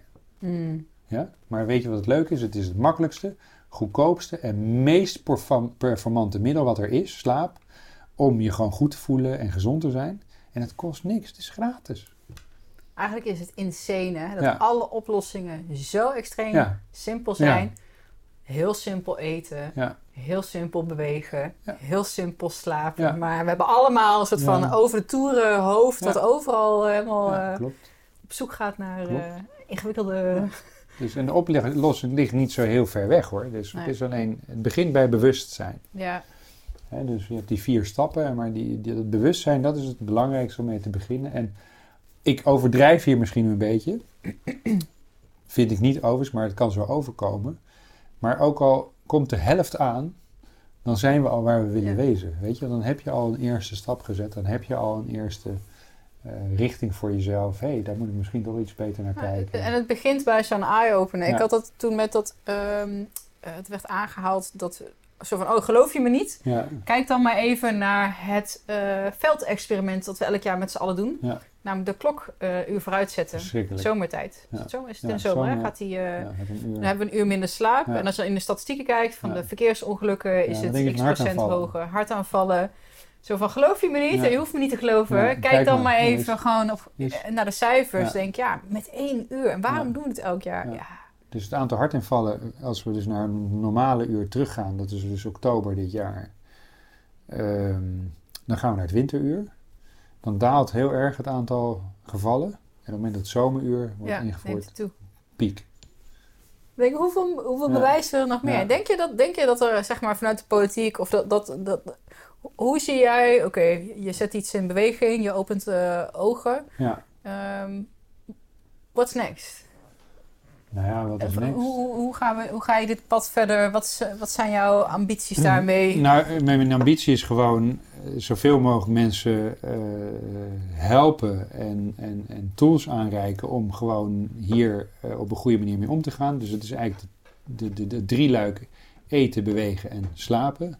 Hè, en ze hebben ook allemaal weer met elkaar te maken. En ik zit vooral op dat slaapluik.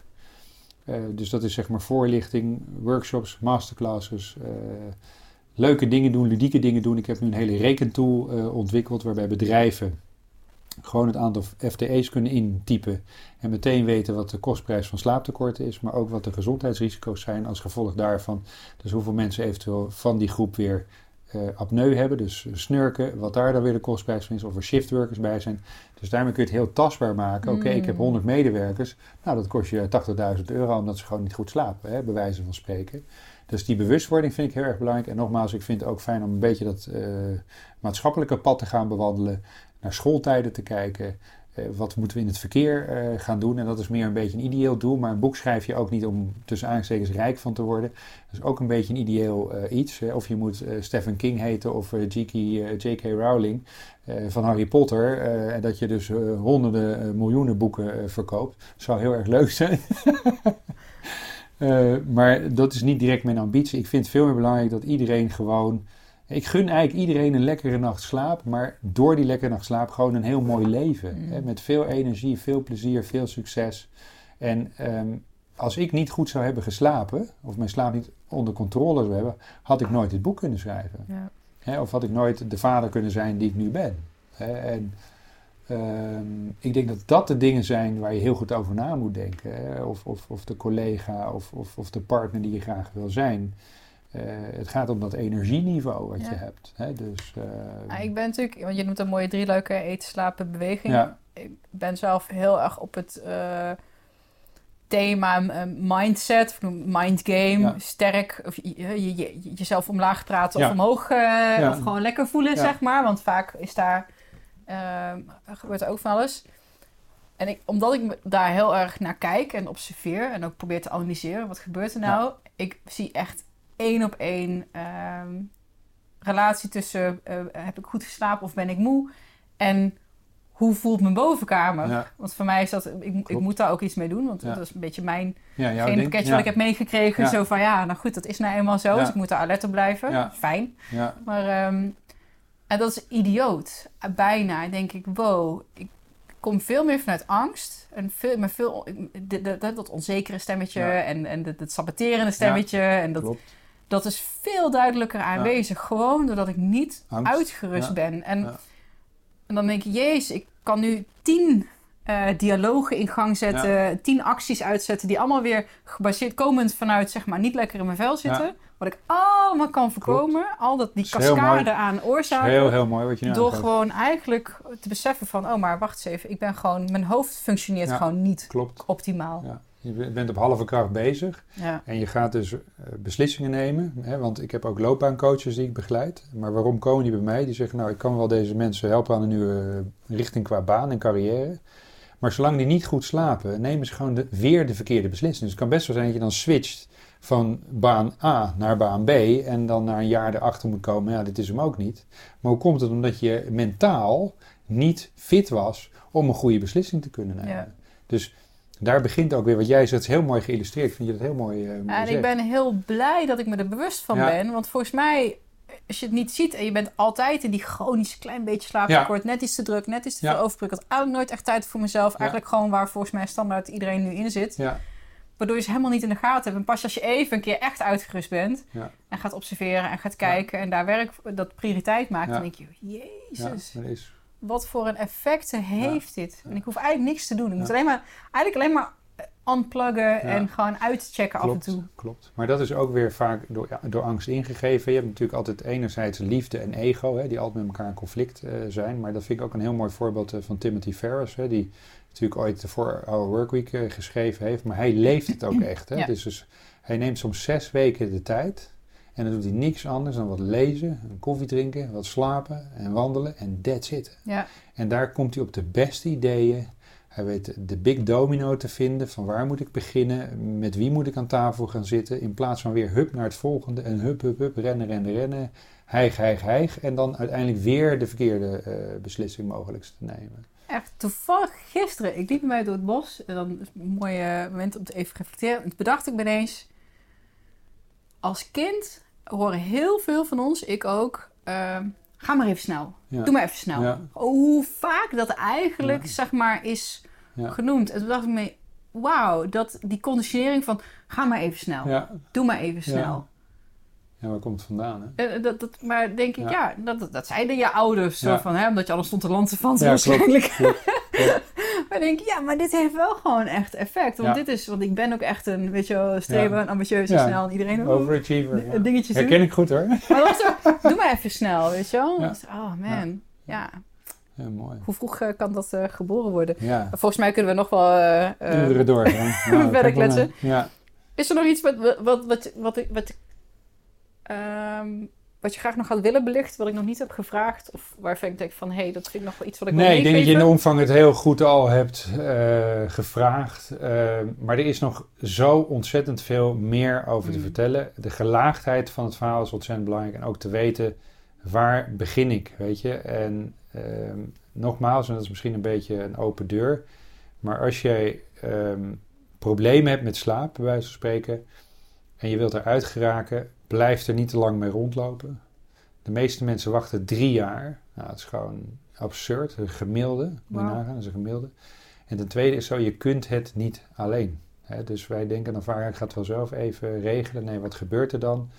Of ze gaan naar de huisarts en krijgen een pak pillen. Oh, daar hebben we het ook helemaal niet over gehad. Slaapmedicatie. Hè, maar... dus eh even pak pillen. Of je wordt gewoon eh, doorverwezen naar het ziekenhuis omdat er andere dingen aan de hand zijn.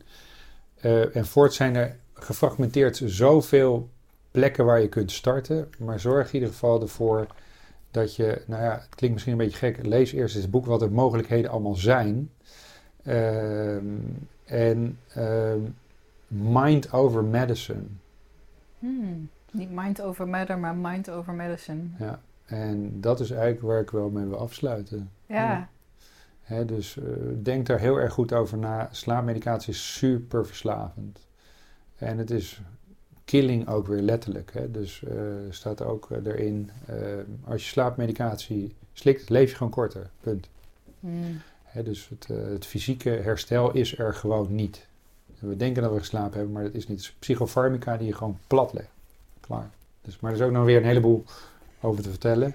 Maar mind over medicine is denk ik wel het belangrijkste als je in die hoek zit. En denk er ook over na, ook al denk je dat je goed slaapt, je kunt het ook nog altijd optimaliseren. Dus eh, waarom hebben al de topclubs, hè, bijvoorbeeld eh, Mathieu Heijboer van eh, het Jumbo-Visma-team, die, het cyclo-team, die hebben slaapcoaches. Manchester United hebben slaapcoaches. Ze doen dat niet voor niks. Hmm. Ja. dus denk er ook over na. En het leuke is, ik train ook sporters. Die hoef ik nooit te overtuigen dat het belangrijk is. En ondernemers moet ik eerst drie sessies sleuren en trekken dat slaap belangrijk is. ja, ja, En in feite is het gewoon absurd. ja. Maar goed, het is een mooi onderwerp. Het is een super mooi onderwerp. En, dus, eh, eh, en ik, ik, de, de, de, de missie gaat voort. ik, eh, ik eh, wijs mensen met liefde en plezier op je boek. En Mhm. ik zal het ook in de, een linkje opnemen in de, Heel leuk. in de omschrijving hierbij. Dus dankjewel eh voor je tijd en voor je toelichting. Jij ook, voor de En, uitnodiging. Ook heel leuk. Ik kreeg eh vriendinnetje, nou, dat zal wel de meest slaapverwekkende podcast Absoluut, ooit worden. dat denk ik ook. maar dat is niet zo, maar ik vond het wel leuk. Ja, Dus, eh, mooi. dankjewel. Jij bedankt. Ook bedankt. Super. Dat was hem. Dankjewel voor het luisteren. Ik besefte me nu pas dat ik in de introductie helemaal niet de naam van de podcast heb gezet. Maar je luisterde naar de transformatiepodcast van 12 Waves.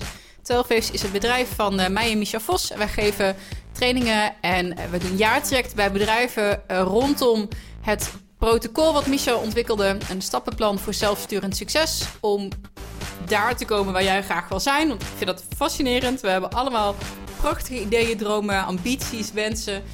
Maar toch op de een of andere manier glijdt dat dan een beetje af naar een soort van someday, one day, als alles meezit. Een soort van vage belofte uh, aan jezelf. En dat is natuurlijk super zonde, want er zijn gewoon echt een aantal hele concrete stappen die je kan zetten om dat te komen. En dat is um, wat we bij 12 Evers doen. Daar helpen wij uh, bedrijven, medewerkers mee, maar ook gewoon. Uh, nou, als jij nu luistert, denk ik, oh, dat vind ik ook wel tof. We hebben een online training. En dat vind je allemaal op www.12-waves.academy. of gewoon, ga gewoon even naar de show notes bij deze podcast. Um, de link waar ik het in de introductie over had, dat um, heeft hier ook mee te maken. De link voor een gratis masterclass van Dromen naar Doen. Dat is een, uh, uh, eigenlijk de core, de kern van dat stappenplan in één compacte masterclass. En die mag ik gratis weggeven aan luisteraars van deze podcast. Die kost normaal 59 euro. En die vind je op www.12-waves.nl slash transformatie. Of kijk even in dezelfde show notes waar ik het net over had, de omschrijving bij deze podcast. Um, ik zou het super tof vinden als je de volgende keer ook weer bij bent. En als je nou gewoon automatisch de podcast in je podcast-app omhoog wil zien komen, abonneer je dan gewoon eventjes waar je ook luistert. Of je nou op YouTube zit, of Spotify, Soundcloud, uh, of bij ons op de website. En um, uh, als je dit toffe podcast vond, deel hem dan vooral in je Insta-stories. Tag mij erin. Uh, of uh, post een linkje op je Facebook. Of waar iedereen tegenwoordig dan ook maar op social media zit. Um, ik ga volgende week trouwens een hele leuke podcast opnemen. Ik ga met een stijlcoach een dagje shoppen en podcasten en praten over eigenlijk de uiterlijke transformatie. Want we hebben het zo vaak over het innerlijke stuk. Uh, 99,9% van de tijd. Uh, de rest is uh, een beetje business en een beetje lifestyle. Maar ja, de buitenkant is natuurlijk ook belangrijk. Dus daar gaan we het uh, volgende week over hebben met Jolande, AV. Ik heb daar heel veel zin in. En wil je dat niet missen, abonneer je dan gewoon super makkelijk. Um, volgens mij heb ik alles gezegd wat ik wilde zeggen. Um, wens ik jou een super fijne dag en een hele goede nachtrust uiteraard.